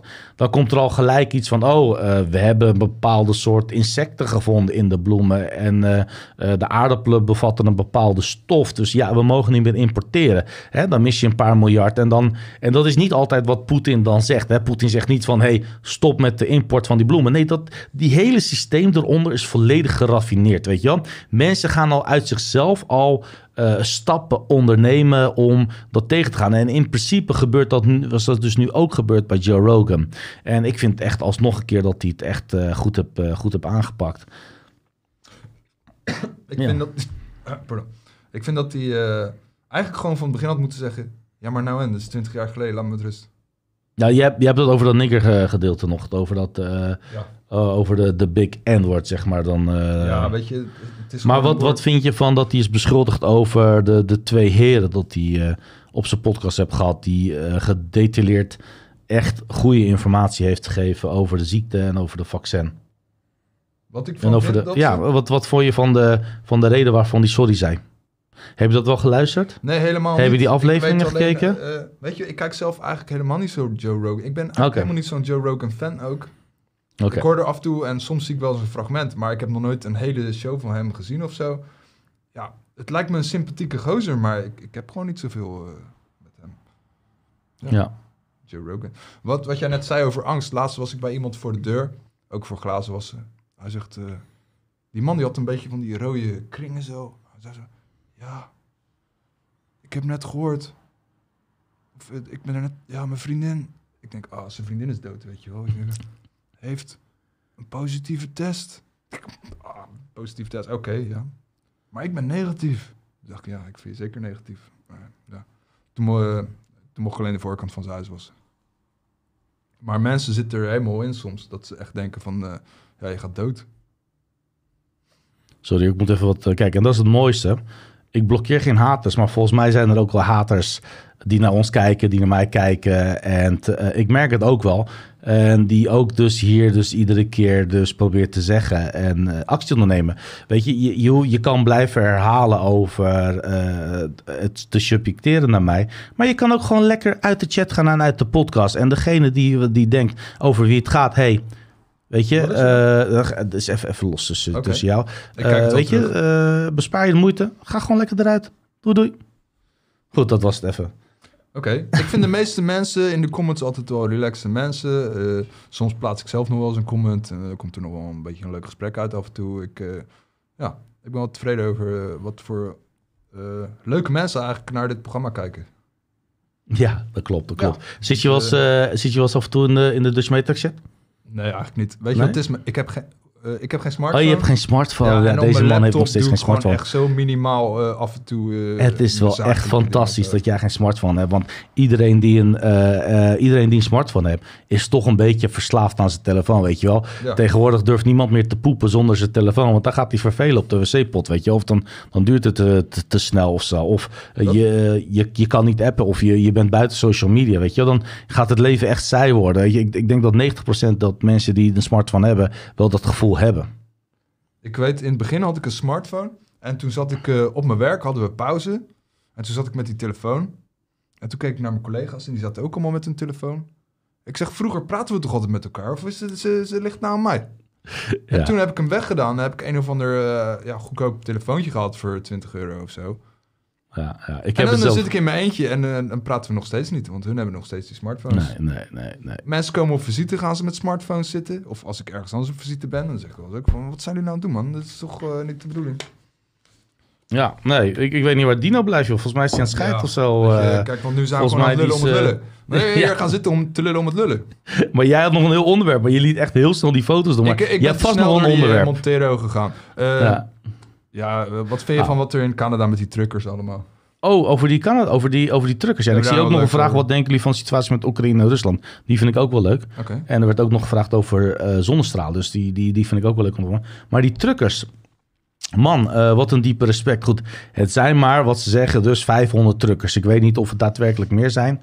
Dus het is wel echt een klein percentage. Maar de percentage die Ja. er zit, die houdt wel goed vol. En als je ziet naar al die eh, eh, objecten dat echt ook tegenaan wordt gegooid.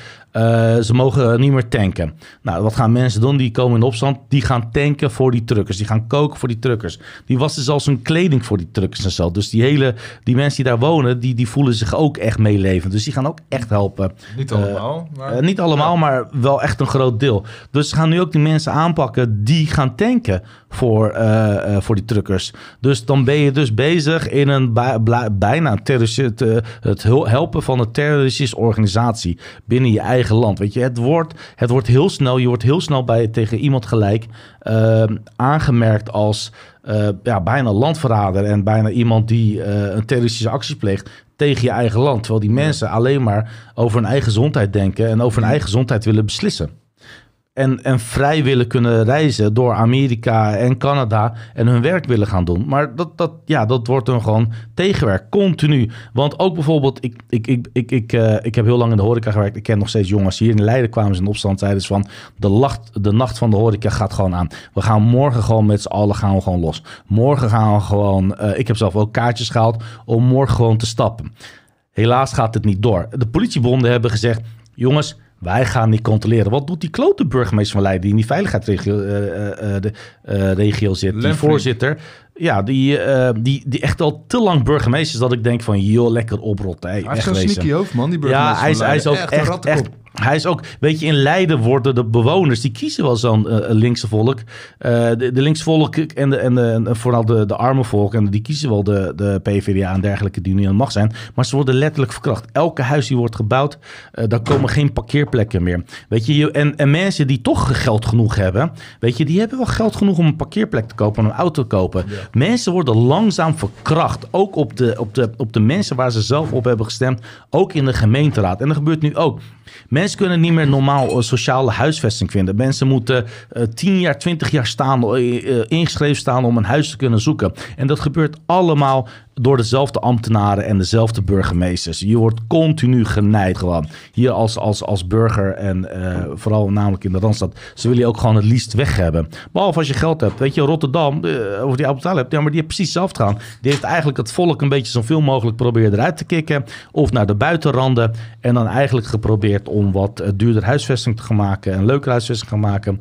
Zodat, zodat de situatie dat ook echt verandert. Terwijl je in plaats van eh, probeert die mensen te helpen probeert mensen eh, een betere toekomst aan te bieden. De kinderen proberen een betere toekomst aan te bieden. Maar je wordt gewoon continu verkracht. En ook hier in Leiden, weet je, als je ziet dat in die, of in Al van de Rijn, er worden dan een flat gebouwd met 400 eh, woningen en maar eh, 80 parkeerplaatsen of zo, weet je wel. En dan, dan is het gewoon Ja, waar slaat vechten. het op dan? Ja, Ja, dan is het gewoon vechten op, om je plekje, weet hoe je ga je naar je werk dan als je daar woont? Ja, nou goed, ja. Maar goed, dat is, eh, dat is dus En even over dat. milieu shit, daar word ik ook scheidsrecht Ja, van. Weet ja, je, de hele wereld vol staat vol met mogelijke fabrieken. Nederland is het. die- die Nederland, Ne-? Nederland is het puntje, hè? het, een puntje, een stipje, dit stipje, dit stipje op de aardbol. En wij hebben de grootste milieurechten. Dat is, eh, huh? Is niet rond, hè? Hij is, ja, hij is niet rond, zegt Dino. Maar, op, weet ik veel, op het plat of het ronde aardstip. Voor mij is die rond, daar niet van. Ehm, maar goed. Ehm, weet je, eh, eh, er is nergens anders stikstofregels. Volgens mij is wat we ademen is sowieso 80% stikstof. Of, of je nou in Duitsland bent eh, of in de jungle of wat dan ook. Het minste gedeelte is zuurstof wat we ademen. natuurtechnisch gezien. Maar goed, we krijgen wel hier de meeste regels. Want ze zijn nu ook echt een kant aan het opgaan in Nederland. Dat Nederland een van de eerste landen wordt waar niet eh, je een autobezit meer mag hebben. Of je moet heel veel geld hebben. Dus ze gaan het autobezit gaan ze ook aanpakken. Ik heb een nieuwe auto. Als ik die fucking cruise control wil aan te doen, dan gaat die zich aanpassen aan die matrixborden. Als ik te hard rijd, zegt die voet van het gaspedaal aan. Ik rijd niet vaak hard, ik, misschien een paar kilometer. Maar toch dat die wordt ge- gezegd, dan word ik irriteer me wel. En de Europese Unie gaat dus binnenkort auto's verplichten om niet harder te kunnen rijden dan wat wordt aangegeven. Smileys. Ja. Ja, die. Zo Ja, ja. Irritant. Dus het wordt. We, worden dus. We gaan echt hard en hard aangepakt. Maar goed, je was, was ook even voordat ik. Eh, je waar, halen? even laatste vraag tussen Oekraïne en. eh, waar kun je glijmiddel halen? Je wordt hier genaaid zonder glijmiddel, jongens. Je wordt hier keihard genaaid. Tot je tarrels aan toe. Maar goed, ehm, ehm, Oekraïne en Rusland. Het is Oekraïne en Rusland. Het is. Heel simpel. Iedereen zeurt over Rusland. En op, als je, als je, ik, ik luister ook wel eh, BNR. En daar komt ook wel eh, NAVO-specialisten en eh, een oud-NAVO-voorzitter. En dan hoor je dan van ja, maar volgens mij heeft Rusland Oekraïne al binnengevallen. Fuck jullie. Luister, Oekraïne werd altijd beschouwd als een eh, Russisch natie. Grushkov volgens mij was zelf een Oekraïne. Een van de grootste eh Oekraïniërs waren eh, sterke leiders in het Russische CCR, CCR, CCRP, dus in het, in Sovjet-Unie. Ehm, toen het uit elkaar viel, was het ook heel simpel. Jullie blijven van de landen omri- omringt ons vanaf. Daarom is China ook heel erg blij met Noord-Korea. Waarom? Anders zit er weer zo'n heel erg westers land precies aan hun grens. Dus ze vinden Noord-Korea met die buffer, vinden ze ook wel aan, aan de andere kant fijn. Ze vinden wel dat die een etter is, maar ze hebben liever een etter dan dat Amerika al, eh, bij je voet, eh, bij je voet eh, treden staat te kloppen. Hoi, hoi, we kunnen binnenkomen, binnenvallen wanneer we willen. En dat gebeurt nu ook in Oekraïne. Hè. Ze kunnen, Rusland zien al dat er wapens wordt geplaatst in Polen. Maar goed, Polen en Rusland heeft ook een, een lange geschiedenis. Maar goed, Polen en Duitsland hebben ook een hele lange geschiedenis.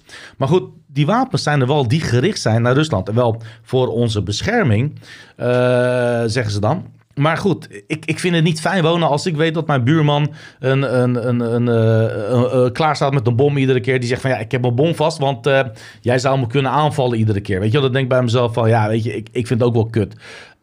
In de jaren eh, 60 geloof ik, toen met JFK, of ik weet niet meer precies welk jaar, 50 of 60 dat het was. eh, toen heeft JFK gezegd, ja, wij hebben gewonnen, want eh, de, de, de, eh, de Russen zijn weg uit Cuba.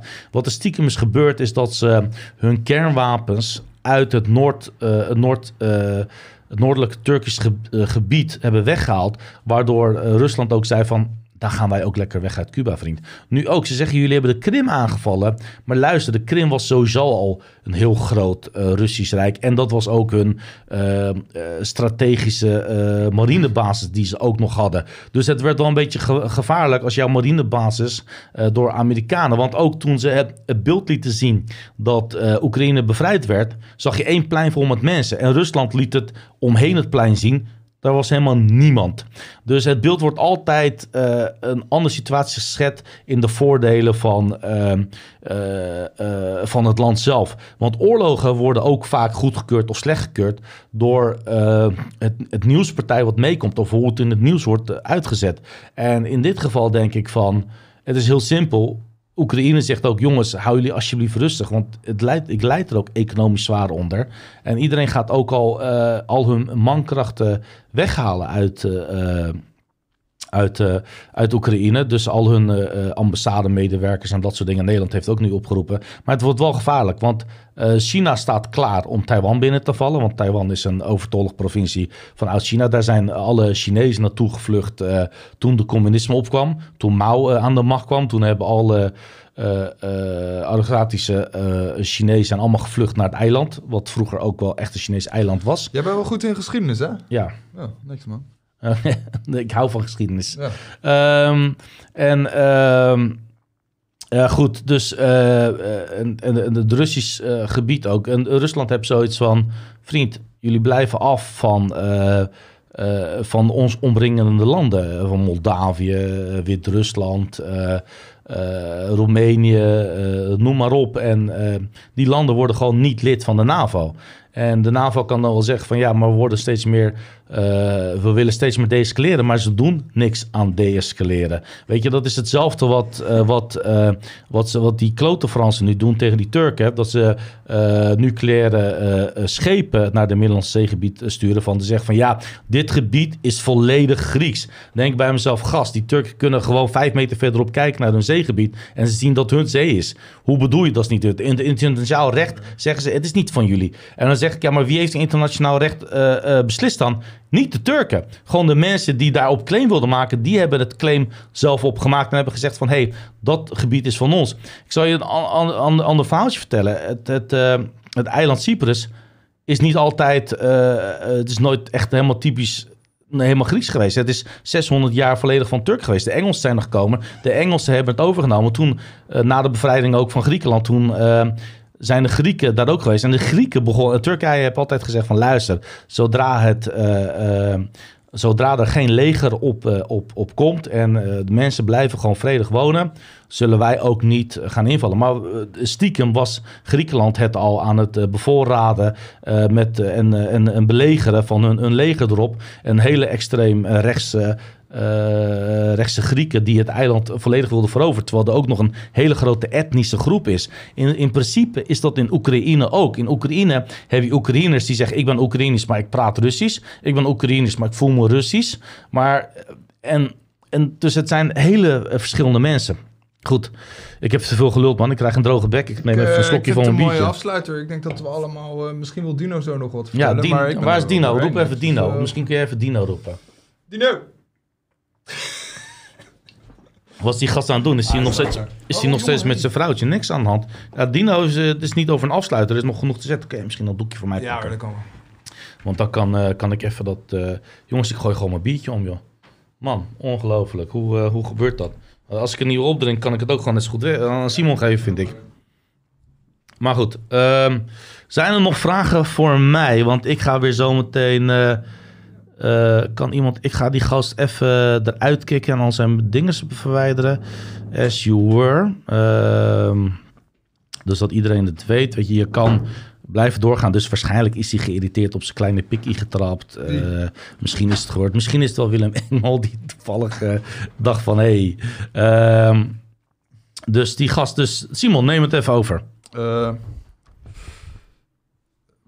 Wie was op zijn pik getrapt? Nee, er zit één iemand bij die eh, heel veel eh, haat... eh, Ja, maar het is er altijd één nou en. ja, oké, dan, dan zegt hij toch lekker allemaal negatieve dingen. Maar Ja. het is, boeiend. Eh, ik vond het weer eh, allemaal leuk. Oh. Volgende keer weer.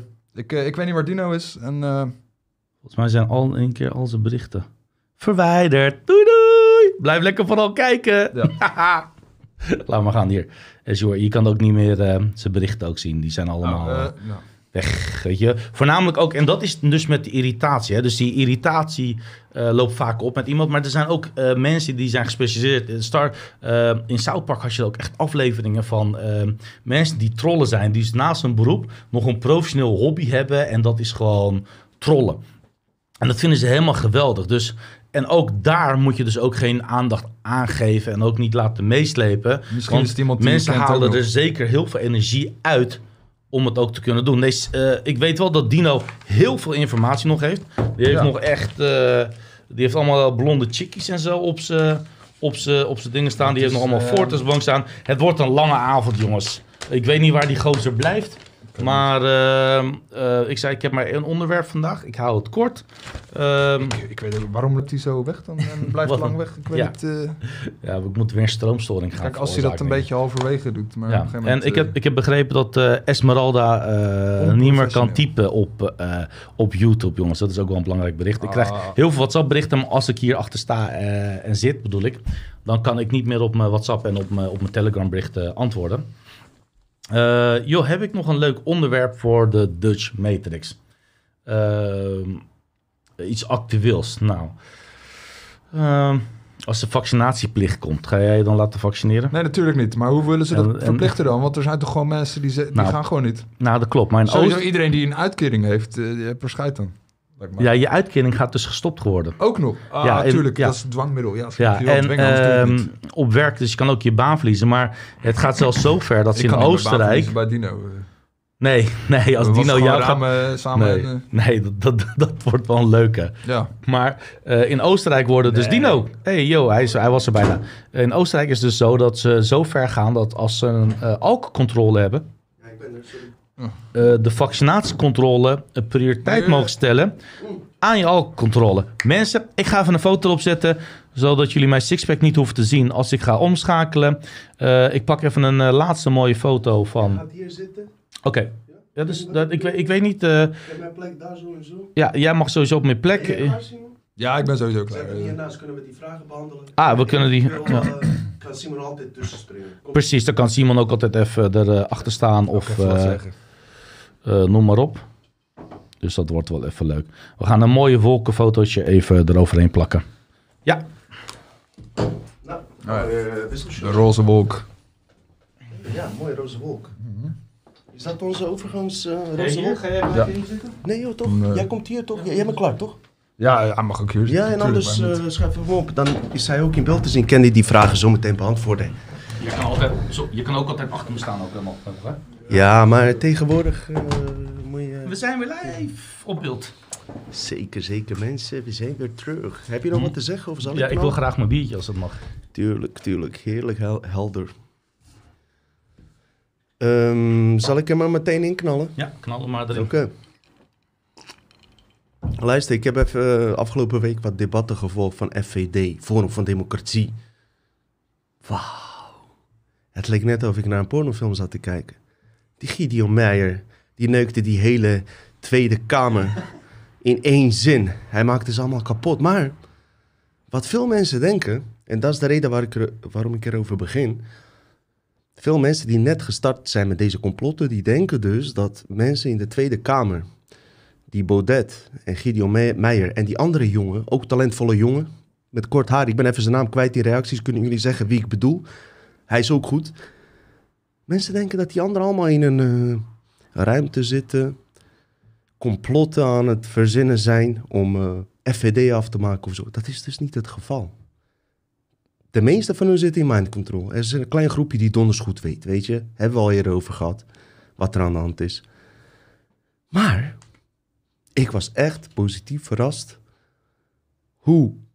Ik heb het niet over Baudet. Baudet is zo en zo, weet je, weten we al van. Maar die Gideon Meijer en die andere gozer met kort haar, alsjeblieft zet in de reacties. Ik weet even niet hoe die heet. Hij was een klein beetje zenuwachtig, maar... Die gast, die, die gaat bekend worden de komende paar weken. Pepijn? Zou best kunnen. Pepijntje. Oh, Pepijn, ja. Oh, dat is een aankomend complottalent. Waar ik eigenlijk heen wil is het volgende. Er was een debat. Ik heb drie debatten gevolgd. Eh, Baudet, Gideon Meijer en Pepijn maakten ze gewoon kapot. Het ging over COVID in dit geval. Ik pak even één aspect eruit. En ik hoop jullie... eh, ik hoef eigenlijk niets daarover te vertellen. Jullie hadden het zelf door, maar ik wil het gewoon met jullie delen. Op een gegeven moment ehm, hadden ze het dus over. Ik had het net over die eh, Human Genome Project, dat alles gedigitaliseerd wordt, weet je. Dat we steeds meer van die kunstmatige intelligentie afhankelijk zijn. Kijk, politiek level is niet zo diep bezig zoals wij dat doen. Maar ze zien dat aankomen. Dus Pepijn, die zegt van, als je goed kijkt, dan zie je dat er een agenda op komst is, wat bij die Great New Reset hoort. Daaraan gepaard gaat die digitalisering en waar we het net over hadden in China, die eh, eh, social credit system, waarbij je aan allerlei eisen moet voldoen. En die hele fucking historie, medische historie, alles is opgeslagen. En aan de hand daarvan worden er allerlei eh, eisen van je verwacht en al die teringzooi. Is waar. Maar, en ik hoop hier eh, misschien beginnende complotonderzoekers eh, wat meer inzicht in te geven. Mevrouw Lisa Westerveld, GroenLinks. Kennen jullie haar? Ja, tuurlijk kennen jullie haar. Hartstikke mooie meid op zich. Hier, dit is zij. Oh, foto 5, hij is dan. Staat erop. Ja. Vind je het wat? Zou je het doen? Ah, ik, ik, ik, ja, eh, lastig. Nee? Je- Serieus? een- ja, nou, ik durf gewoon niks meer te zeggen Op zeker ze- tegenwoordig. ik- eh, ik denk dat jij het wel zou doen. Too en zo. Goed, foto's kunnen ook bedriegen. hè. Ik zie sommige vrouwen, jongen, die, eh, die zitten vol met, eh vol met eh eerst ze plamuren zich helemaal kapot. Eh, en dan nog zo van die filters eroverheen. En dan nog op een specifiek ma- ma- manier die foto maken. Dat je denkt van wauw. En dat je dan er naartoe gaat dat je denkt van... Klopt, klopt, klopt. Ja, in Tweede Kamer zag ze er ook iets minder knap uit dan op deze foto. Maar ik wel mooi lang haar. ik wil jullie laten zien dat ik een hele eerlijke jongen ben. Normaal gesproken gaan mensen de allerlelijkste foto uitkiezen van iemand die ze willen dissen om hem extra lading aan te geven. Ik heb zelfs de mooiste foto uitgekozen. Zou je dat doen of niet? Oké, sorry. Waar gaat het over? Even waar het echt over gaat. Luister. Hoe heette die gozer met kort haar waar we het net over hadden? Pepijntje. Pepijn. Voor mij een nieuwe persoon, omdat ik niet zo gek veel van politiek eh, bezig ben. Hij is lekker bezig. Hij begint over die shit waar wij het over hebben. Hij zegt, luister. Hij vertelt die hele COVID, eh, dat het bullshit is. En eh, allerlei grafieken laat hij zien. Hele duidelijke dingen. Weet je? Op een gegeven moment denk je... Ik weet niet of, of jullie je nog herinneren aan, naar die eh, oudere kijkers. Weten misschien wel O.J. Simpson zaak 1993. Iedereen wist dat O.J. Simpson die Nicole zijn vrouw had afgemaakt. Dat wist iedereen. Alleen hij had zo'n goed advocatenteam achter zich... dat hij toch vrijgesproken werd. En dat zag ik in terug in deze COVID-debat. Iedereen weet dat het bullshit is... maar toch op een of andere manier zit er een gedachtenveld... waardoor we toch meer eh, denken van... ja, laten we doorvoeren, laten we doorvoeren. Nou... Die Gideon Meijer vertelt, er zit een globalistisch agenda achter. Op hun manier, hè? Niet op level hoe wij doen, maar op, gewoon op hun manier. En heel goed, gelukkig dat die er zijn. Gelukkig maar. Globalisten zijn bezig om mensen steeds meer aan die kunstmatige intelligentie te verbinden. Ik zeg het even in mijn woorden. Ehm, het is allemaal in een structuur in elkaar gezet. Dus hij vertelt dat heel goed, vind ik zelf. Fucking goed. Op een gegeven moment komt Lisa Westerveld. En wat ga ik zeggen? Jullie denken ik ga haar dissen. Ik ga er helemaal niet dissen. Die meid staat daar met haar eigen overtuiging. En niet per se om hem af te zeiken. En de vraag die zij stelde, of tenminste de opmerking die zij maakte, is van... Datgene wat jij vertelt kan niet kloppen, want wij zitten in een democratisch parlement. Dus ondanks dat China met die social credit eh, system bezig is, dat gaat hier never nooit komen. Dat is haar stelling. Waarom? Omdat we een eerlijk democratisch parlement hebben waarin wij beslissen of dat doorgaat of niet. En daar wil ik het vooral over hebben. Dus die Lisa Westerveld, ik denk niet dat zij in controlled opposition is. Ik denk alleen dat zij in haar studententijd te veel linkse vriendjes heeft gehad, nooit breder inzicht heeft gekregen in wat er gebeurt. Voor dit soort meiden, hey, ik wil ze niet dissen of zo. Maar ik zou zeggen, misschien niet in haar geval, maar heel veel meiden neuken toch met iedereen om hoger op te komen. Als je al in de politiek met iedereen neukt om hoger op te komen, pak dan ook een rechtse lul. Even een Hollandse frisse worst. Blijf af van die sujuks en eh, die gegrilde worsten. Pak eens ook een keer een rechtse Hollandse lul, zodat je informatie kan verkrijgen. Vergelijken met linkse informatie. Eigenlijk wat ik ook doe, maar niet op zo'n vieze manier, om een normale beeld te krijgen.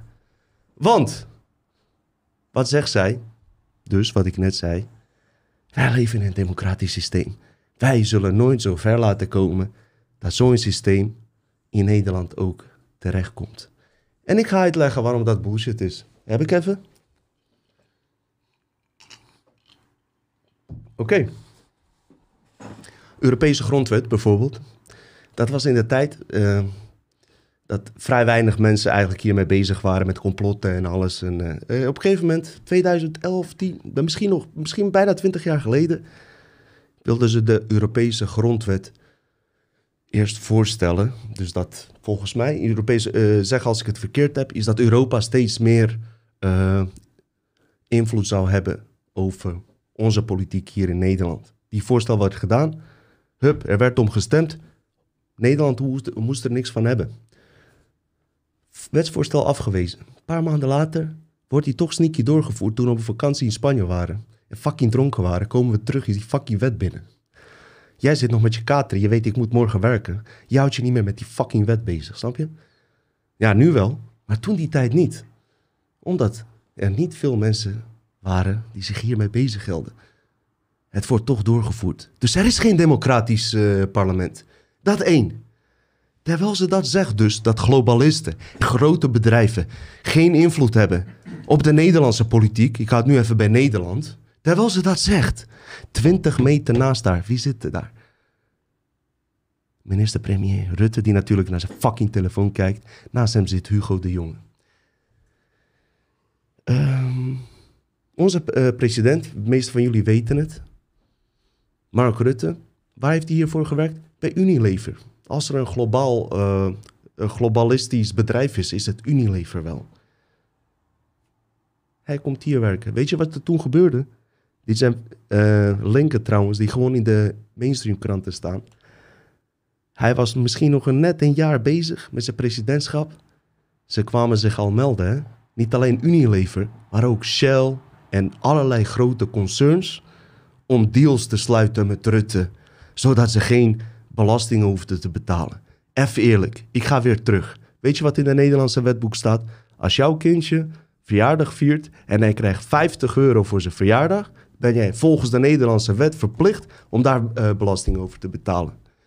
Maar deze motherfuckers, zoals die Unilever waar eh, Rutte voor werkte, en nog een aantal bedrijven die ik zo zal opnoemen, die hebben het voor elkaar gekregen. Omdat, ondanks dat ze miljarden verdienen, dat ze geen één reet aan belasting hoeven te betalen. En weet je hoe ze dat mooi maken? Rutte met zijn verhalen. Ja, maar er komt veel werkgelegenheid en al die bullshit verhalen. Gozer, ik werk nog liever in een fucking pharma tent, ja? Dan dat ik voor zo'n tent werk. Snap je? Wij hebben niet zoveel banen nodig. We halen nog steeds buitenlanders uit allerlei landen om banen te hebben. Alsof wij op banen staan te wachten. Ja, nee, zo, zij zorgen voor banen. Dus zij hoeven geen belasting te betalen. Dat heeft hij geregeld. Dus wat zegt dat? Dat die globalisten wel degelijk invloed op hebben. Ersan, heb ik hier een beetje gelijk in of niet? Er zit wel een kern van waarheid in, ja. En welke wel. niet dan? Ja, Ja, goed. eh, zou ik voor Unilever willen werken? Ja, eh, waarom niet? Ik voel mezelf altijd wel eh, een persoon dat als ik ergens ben, dat ik misschien het recht kan doen, weet je wel. Als er de podiums naar geluisterd worden. Maar dit zijn allemaal, eh, eh, dit zijn Unilever, Shell, eh Axel Nobel. Dat zijn allemaal, Ja. DSM, dat zijn allemaal Nederlandse bedrijven die sowieso verkracht zijn door de Engelsen en allemaal zijn overgenomen. Shell, Koninklijk Shell in Engeland, weet je wel, what the fuck. Maar goed, zal, daar heb ik het in de vorige podcast ook al over gehad. Dus ehm, Ja. het is sowieso een, VOC-mentaliteit. Wat Balken en er zijn. Oké, we zijn net begonnen, hè? We zijn met het begonnen. Dankjewel, Simon. Dus, terwijl ze dat zegt, 10 meter naast haar is Mark Rutte. Oké, naast hem, wie zit daar? Wie zit daar? Hugo de Jonge. Over hem hoef ik niks te vertellen en zijn broer en zijn connecties met farma-industrieën, Pfizer-vaccins. Jullie weten dat waarschijnlijk veel beter dan ik, weet je? En toevallig, hij is net... Je weet wat ik bedoel, toch? Is toch raar? Het is fucking raar. Weet je waarom het raar is? Ik zal je vertellen.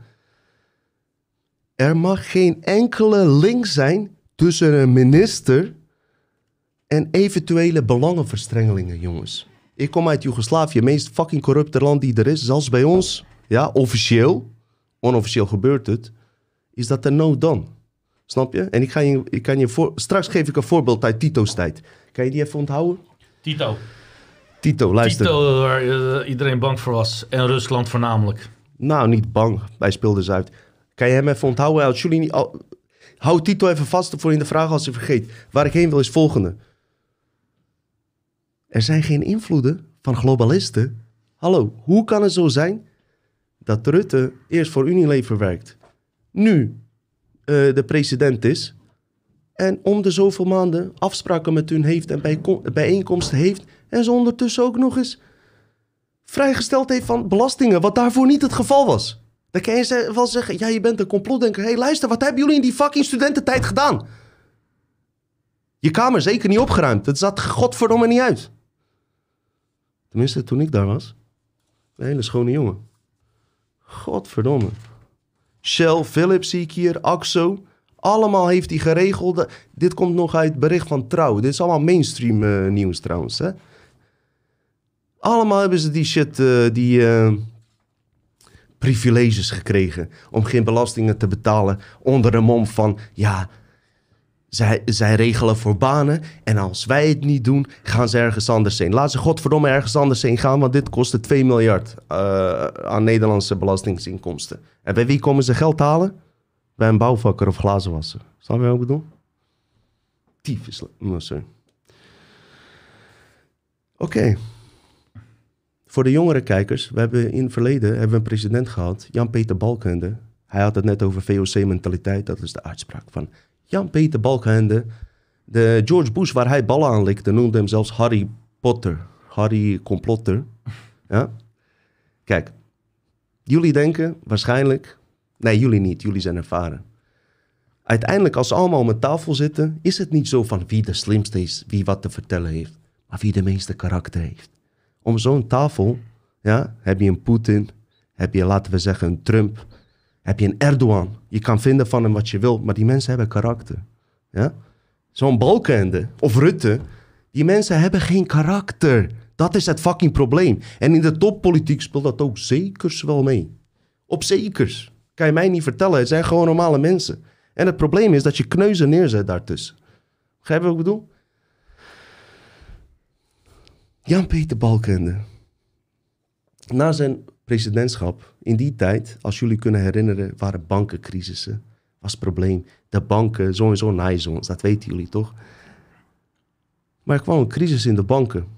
En in plaats van dat ze hun probleem zelf moeten oplossen of gewoon failliet gaan, zoals ik failliet zou gaan als mijn bedrijf kapot zou gaan, wat niet gebeurt, mijn bedrijf gaat goed, blijft eh, eh, doorgaan. Maar normaal gesproken, als jouw bedrijf failliet gaat, is het jouw eigen fout, want dat is het risico van jouw bedrijf.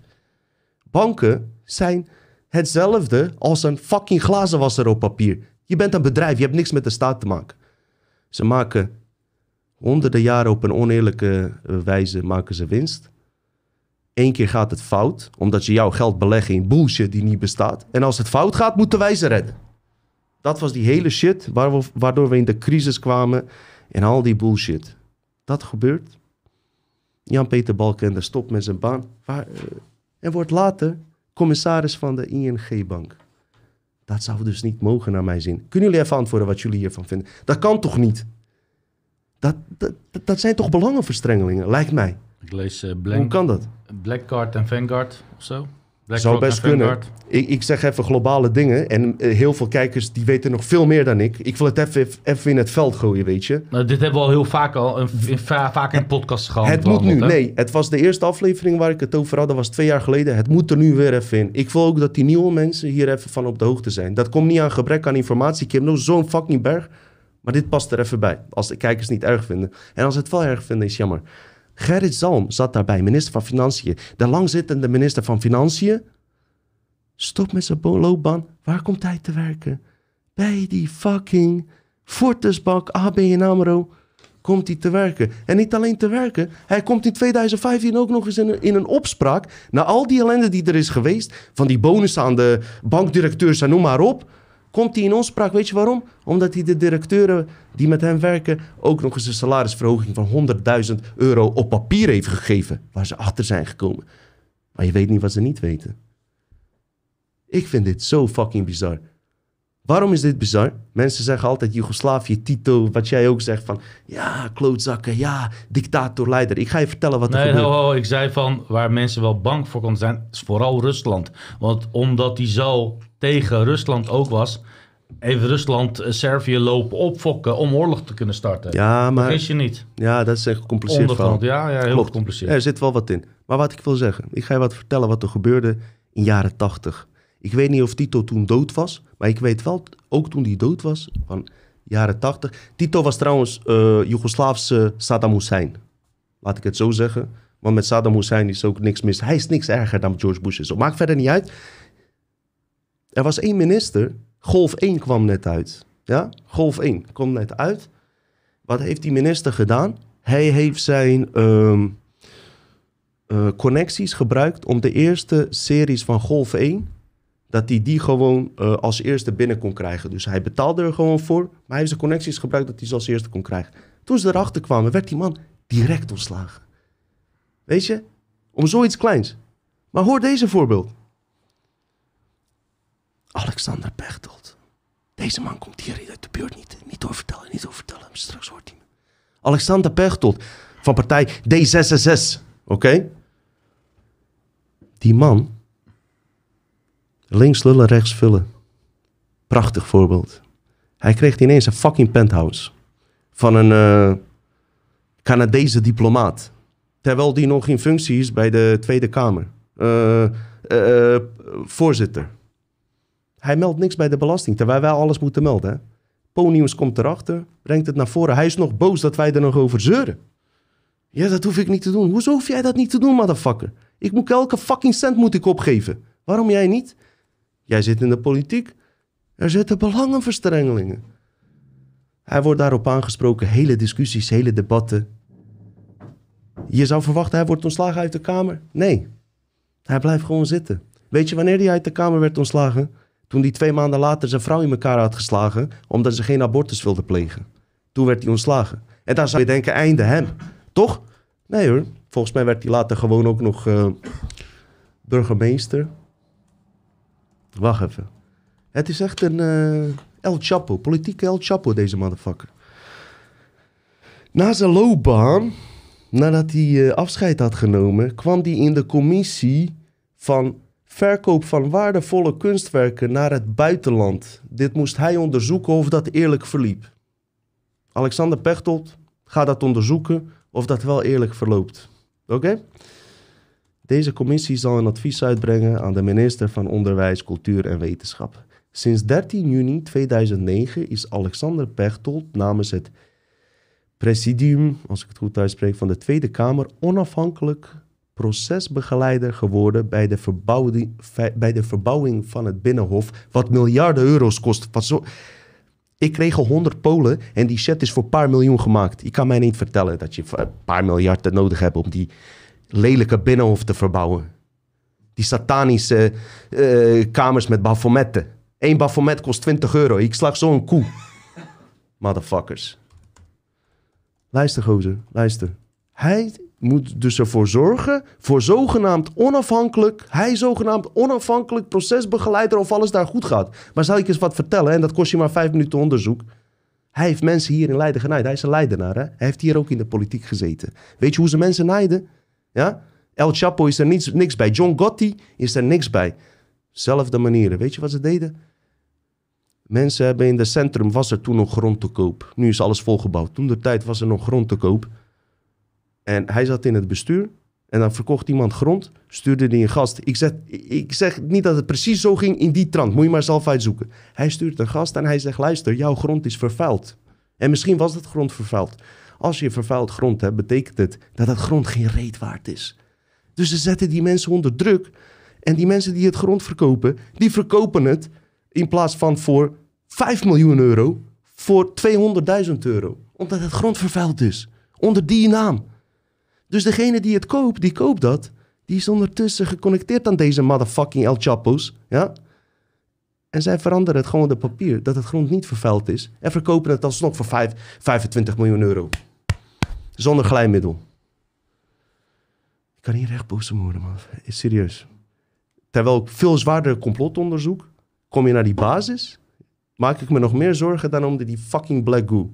En die, en die entiteiten die in de spiegels terechtkomen.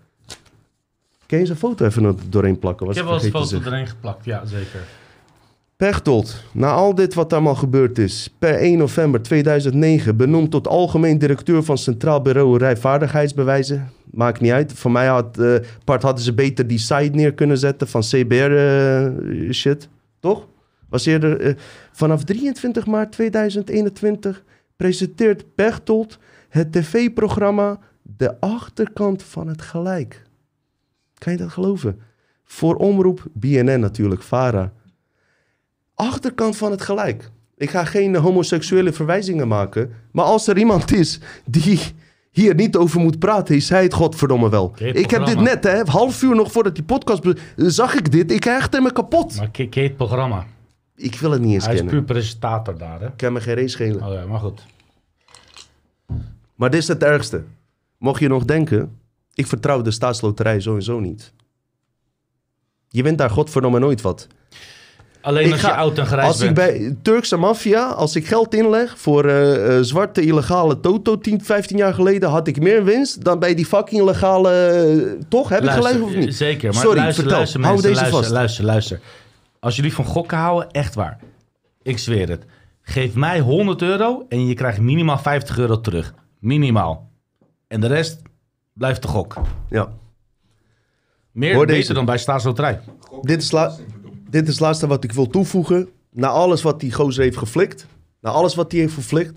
Normaal gesproken, we hebben het over Ali B. Ja? Hij mag nooit meer terug op tv, dit en dat, zus en zo. Deze man gewoon terug naar alle kanten. Uiteindelijk, sinds 22 april, is Pechtold de voorzitter van Raad van Commissarissen van de Nederlandse Loterij. Ik ga nooit meer een fucking lot kopen. Dat weet ik wel. Oké? Ik haal gewoon mijn lot bij die Turkse maffia. Ik weet zeker dat ik meer geld eruit haal. En dat is het enige wat ik wilde zeggen. En ik wil je bedanken voor het kijken. Maar we kunnen ook online nog blijven. Maar dit wilde ik kwijt. Ik irriteer me kapot aan dit soort figuren. Eigenlijk moet ik dat niet doen, maar ik doe het toch. Ja, en wat ga je eraan veranderen, Dino? Veel. Kijk wat we al veranderd hebben, man. Ze scheidt in hun broek voor ons. Het enige wat we veranderd hebben is nog meer podcasters die over deze artikelen praten. Oké, nog een toevoeging. Nieuwsbericht Volkskrant. Ik ga je wat voorlezen. Waarom doe ik altijd mainstream berichten doorheen? Omdat mensen altijd denken, ja, jij komt met jouw complotbronnen. Daarom kom ik expres met mainstream complotten. Onderzoek naar 6 april 2021, nog redelijk recent. Onderzoek naar transparantie bij de overheid. Grote bedrijven onevenredig vaak op de koffie bij de minister. Oké?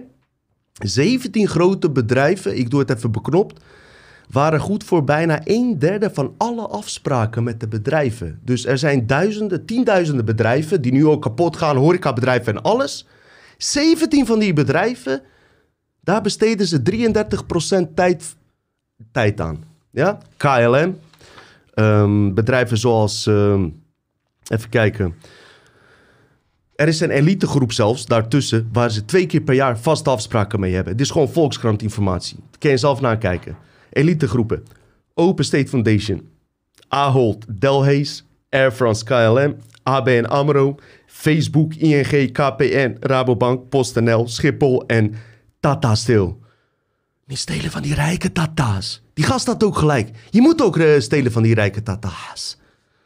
Hoe heet die gozer trouwens? Van Ponius. Dat was een mafkees, hè? Maar die, die, die ene zin was goed. Hij heeft meer kijkers dan... eh, eh, ja, je weet toch. Hij, Maar dat is het domheid. Ja, precies. In ieder geval, twee keer per jaar zit minister-president met deze mensen. Zit hij ook met die, met, die, met die ondernemers die nu genaaid zijn, die, wa- waar een bedrijf van kapot is gegaan? Nee, nee, hij zit met deze mensen. Wat moet jij met Facebook twee keer per jaar bespreken? Wat moet je bespreken? Ja, sorry als ik misschien agressief overkom, hoor. Maar het komt uit het hart. Ik zweer het je. Oké, eh, bewindslieden moeten sinds 2017 een openbare agenda bijhouden na een serie artikelen van de Volkskrant, eh, Volkskrant over lobby in Den Haag. Dus ze hadden die shit neergezet, ze hadden het openbaard, ze waren betrapt. Dus ze zeggen, oké, voortaan zullen we het openbaren. En dan zou je denken, dat is oké. Maar nee, ze hebben een tussenregel erin gezet. En daar staat, ze mogen wel uitzonderingen toepassen als ze denken dat openbaarmaking van specifieke informatie schadelijk is of koersgevoelig is. Dus onder die mom kan je alsnog je fucking smoel houden. Nee, serieus, serieus. Ik zit hier wel mee, hè. Ik zweer het, is niet... Nee, ik zit hier mee. Sorry, Ersa, vertel. Jij mag vandaag geen hoge brug of een hoog gebouw opzoeken.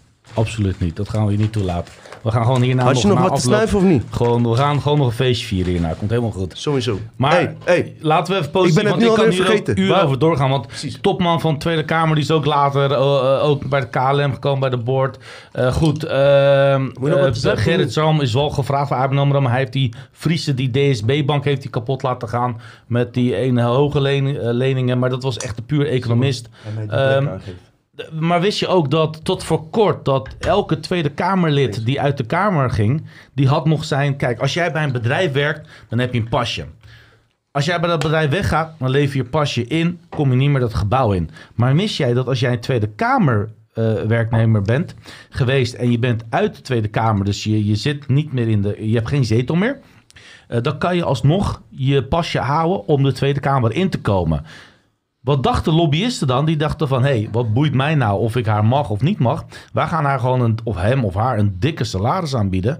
En eh, die gaat gewoon voor ons lobbyen. Dus zelfs op het punt waarvan die persoon nooit mee eens is geweest... die denkt, oh, ik neem dat baantje wel aan. En die gaat lekker lobbyen eh, in de Tweede Kamer... met de politi eh, po- eh, politicussen die eh, daarover gaan stemmen. En voornamelijk wat jij zei in het begin over dat de wet alsnog is doorgevoerd... dat gebeurt heel vaak, hè. Vaak als een wet niet wordt toegevoegd... wat ze gaan doen, is ze gaan een wet gaan ze bundelen. Ze zijn heel goed in bundelen van wetten. En in een van die kleine bundels, in zo'n dikke wetboek, zit dan precies dat artikel wat wij worden genijd openbaar zit erin en wordt alsnog goedgekeurd. Ja mensen, we leven in een land. En die brexit dan? Hoe wilden ze die We kunnen- doorvoeren dan? Hoe vies kunnen- was die? Hoe bedoel je, de brexit door de Mensen brexit in Engeland wilden geen brexit. Oké, het ging uiteindelijk niet door. Maar hoeveel kracht was er niet gezet om het alsnog niet eh, plaats te laten vinden? Ik ken heel veel mensen. Iedereen, iedereen die ik uit Engeland sprak, die niet in Nederland woonde, maar die in Engeland woonde en in Engeland werkte, zelfs Schotten, die wilden een brexit. Weet je, dus ik geloof echt wel dat er een groot deel van, eh, van eh, de koninklijke Ja. eh, verenigheid echt uit de EU wilde. Hmm. Ja, Dus- de- ik ook. Maar Dus, dus, ze de deden er alles aan. bullshit? is dit het, jongens? Is dit het? Hé, hey, luister. Misschien was ik een beetje negatief. Weet je? Maar het gaat goed komen. Simon, kom even erbij. Ik wil geen hoopporno eh, zeggen of zo. Eh, ik vond het een fucking goede aflevering. Eh, wat vonden jullie ervan? Ik vond het wel weer relaxed. Ja, toch? Ja, toch? Eh, wat we kunnen doen misschien om wat vaker naar voren te komen. Wat vaker live afleveringen te doen. Ik heb laatst met Peter Tonen gesproken. Hij komt ook binnenkort live. Dus als je een vraag voor eh, Peter Tonen hebt. Als het goed is 3 maart hebben we een live aflevering. Mij, Ersan en Peter Tonen. We hebben Ersan nodig natuurlijk eh, voor die beelden. Anders was het... Nee, nee, nee, nee. Nee, maar deze man. Hey, zonder deze man is Hey, geen hey, Dutch hey, Matrix, hey, hè? Komt helemaal goed. Zonder Maar, jullie ehm, ook niet. Eh, in ieder geval, als je vragen voor hem hebt, ik dacht ik nodig ik hem ook hieruit. Die man is altijd bij Café Wels met andere mensen aan het interviewen. eh, Terwijl hij zoveel interessante dingen heeft nog. Hij komt hier en ehm, eh, wat ik nog wilde zeggen, ehm, het is echt beter hoor. als we niet wekelijks droppen, omdat we druk hebben. Want ik heb ook bij andere gasten gezien die podcasten doen, die verplicht zijn elke week te droppen. Het gaat ten koste van kwaliteit. Wij hadden vandaag echt zin in.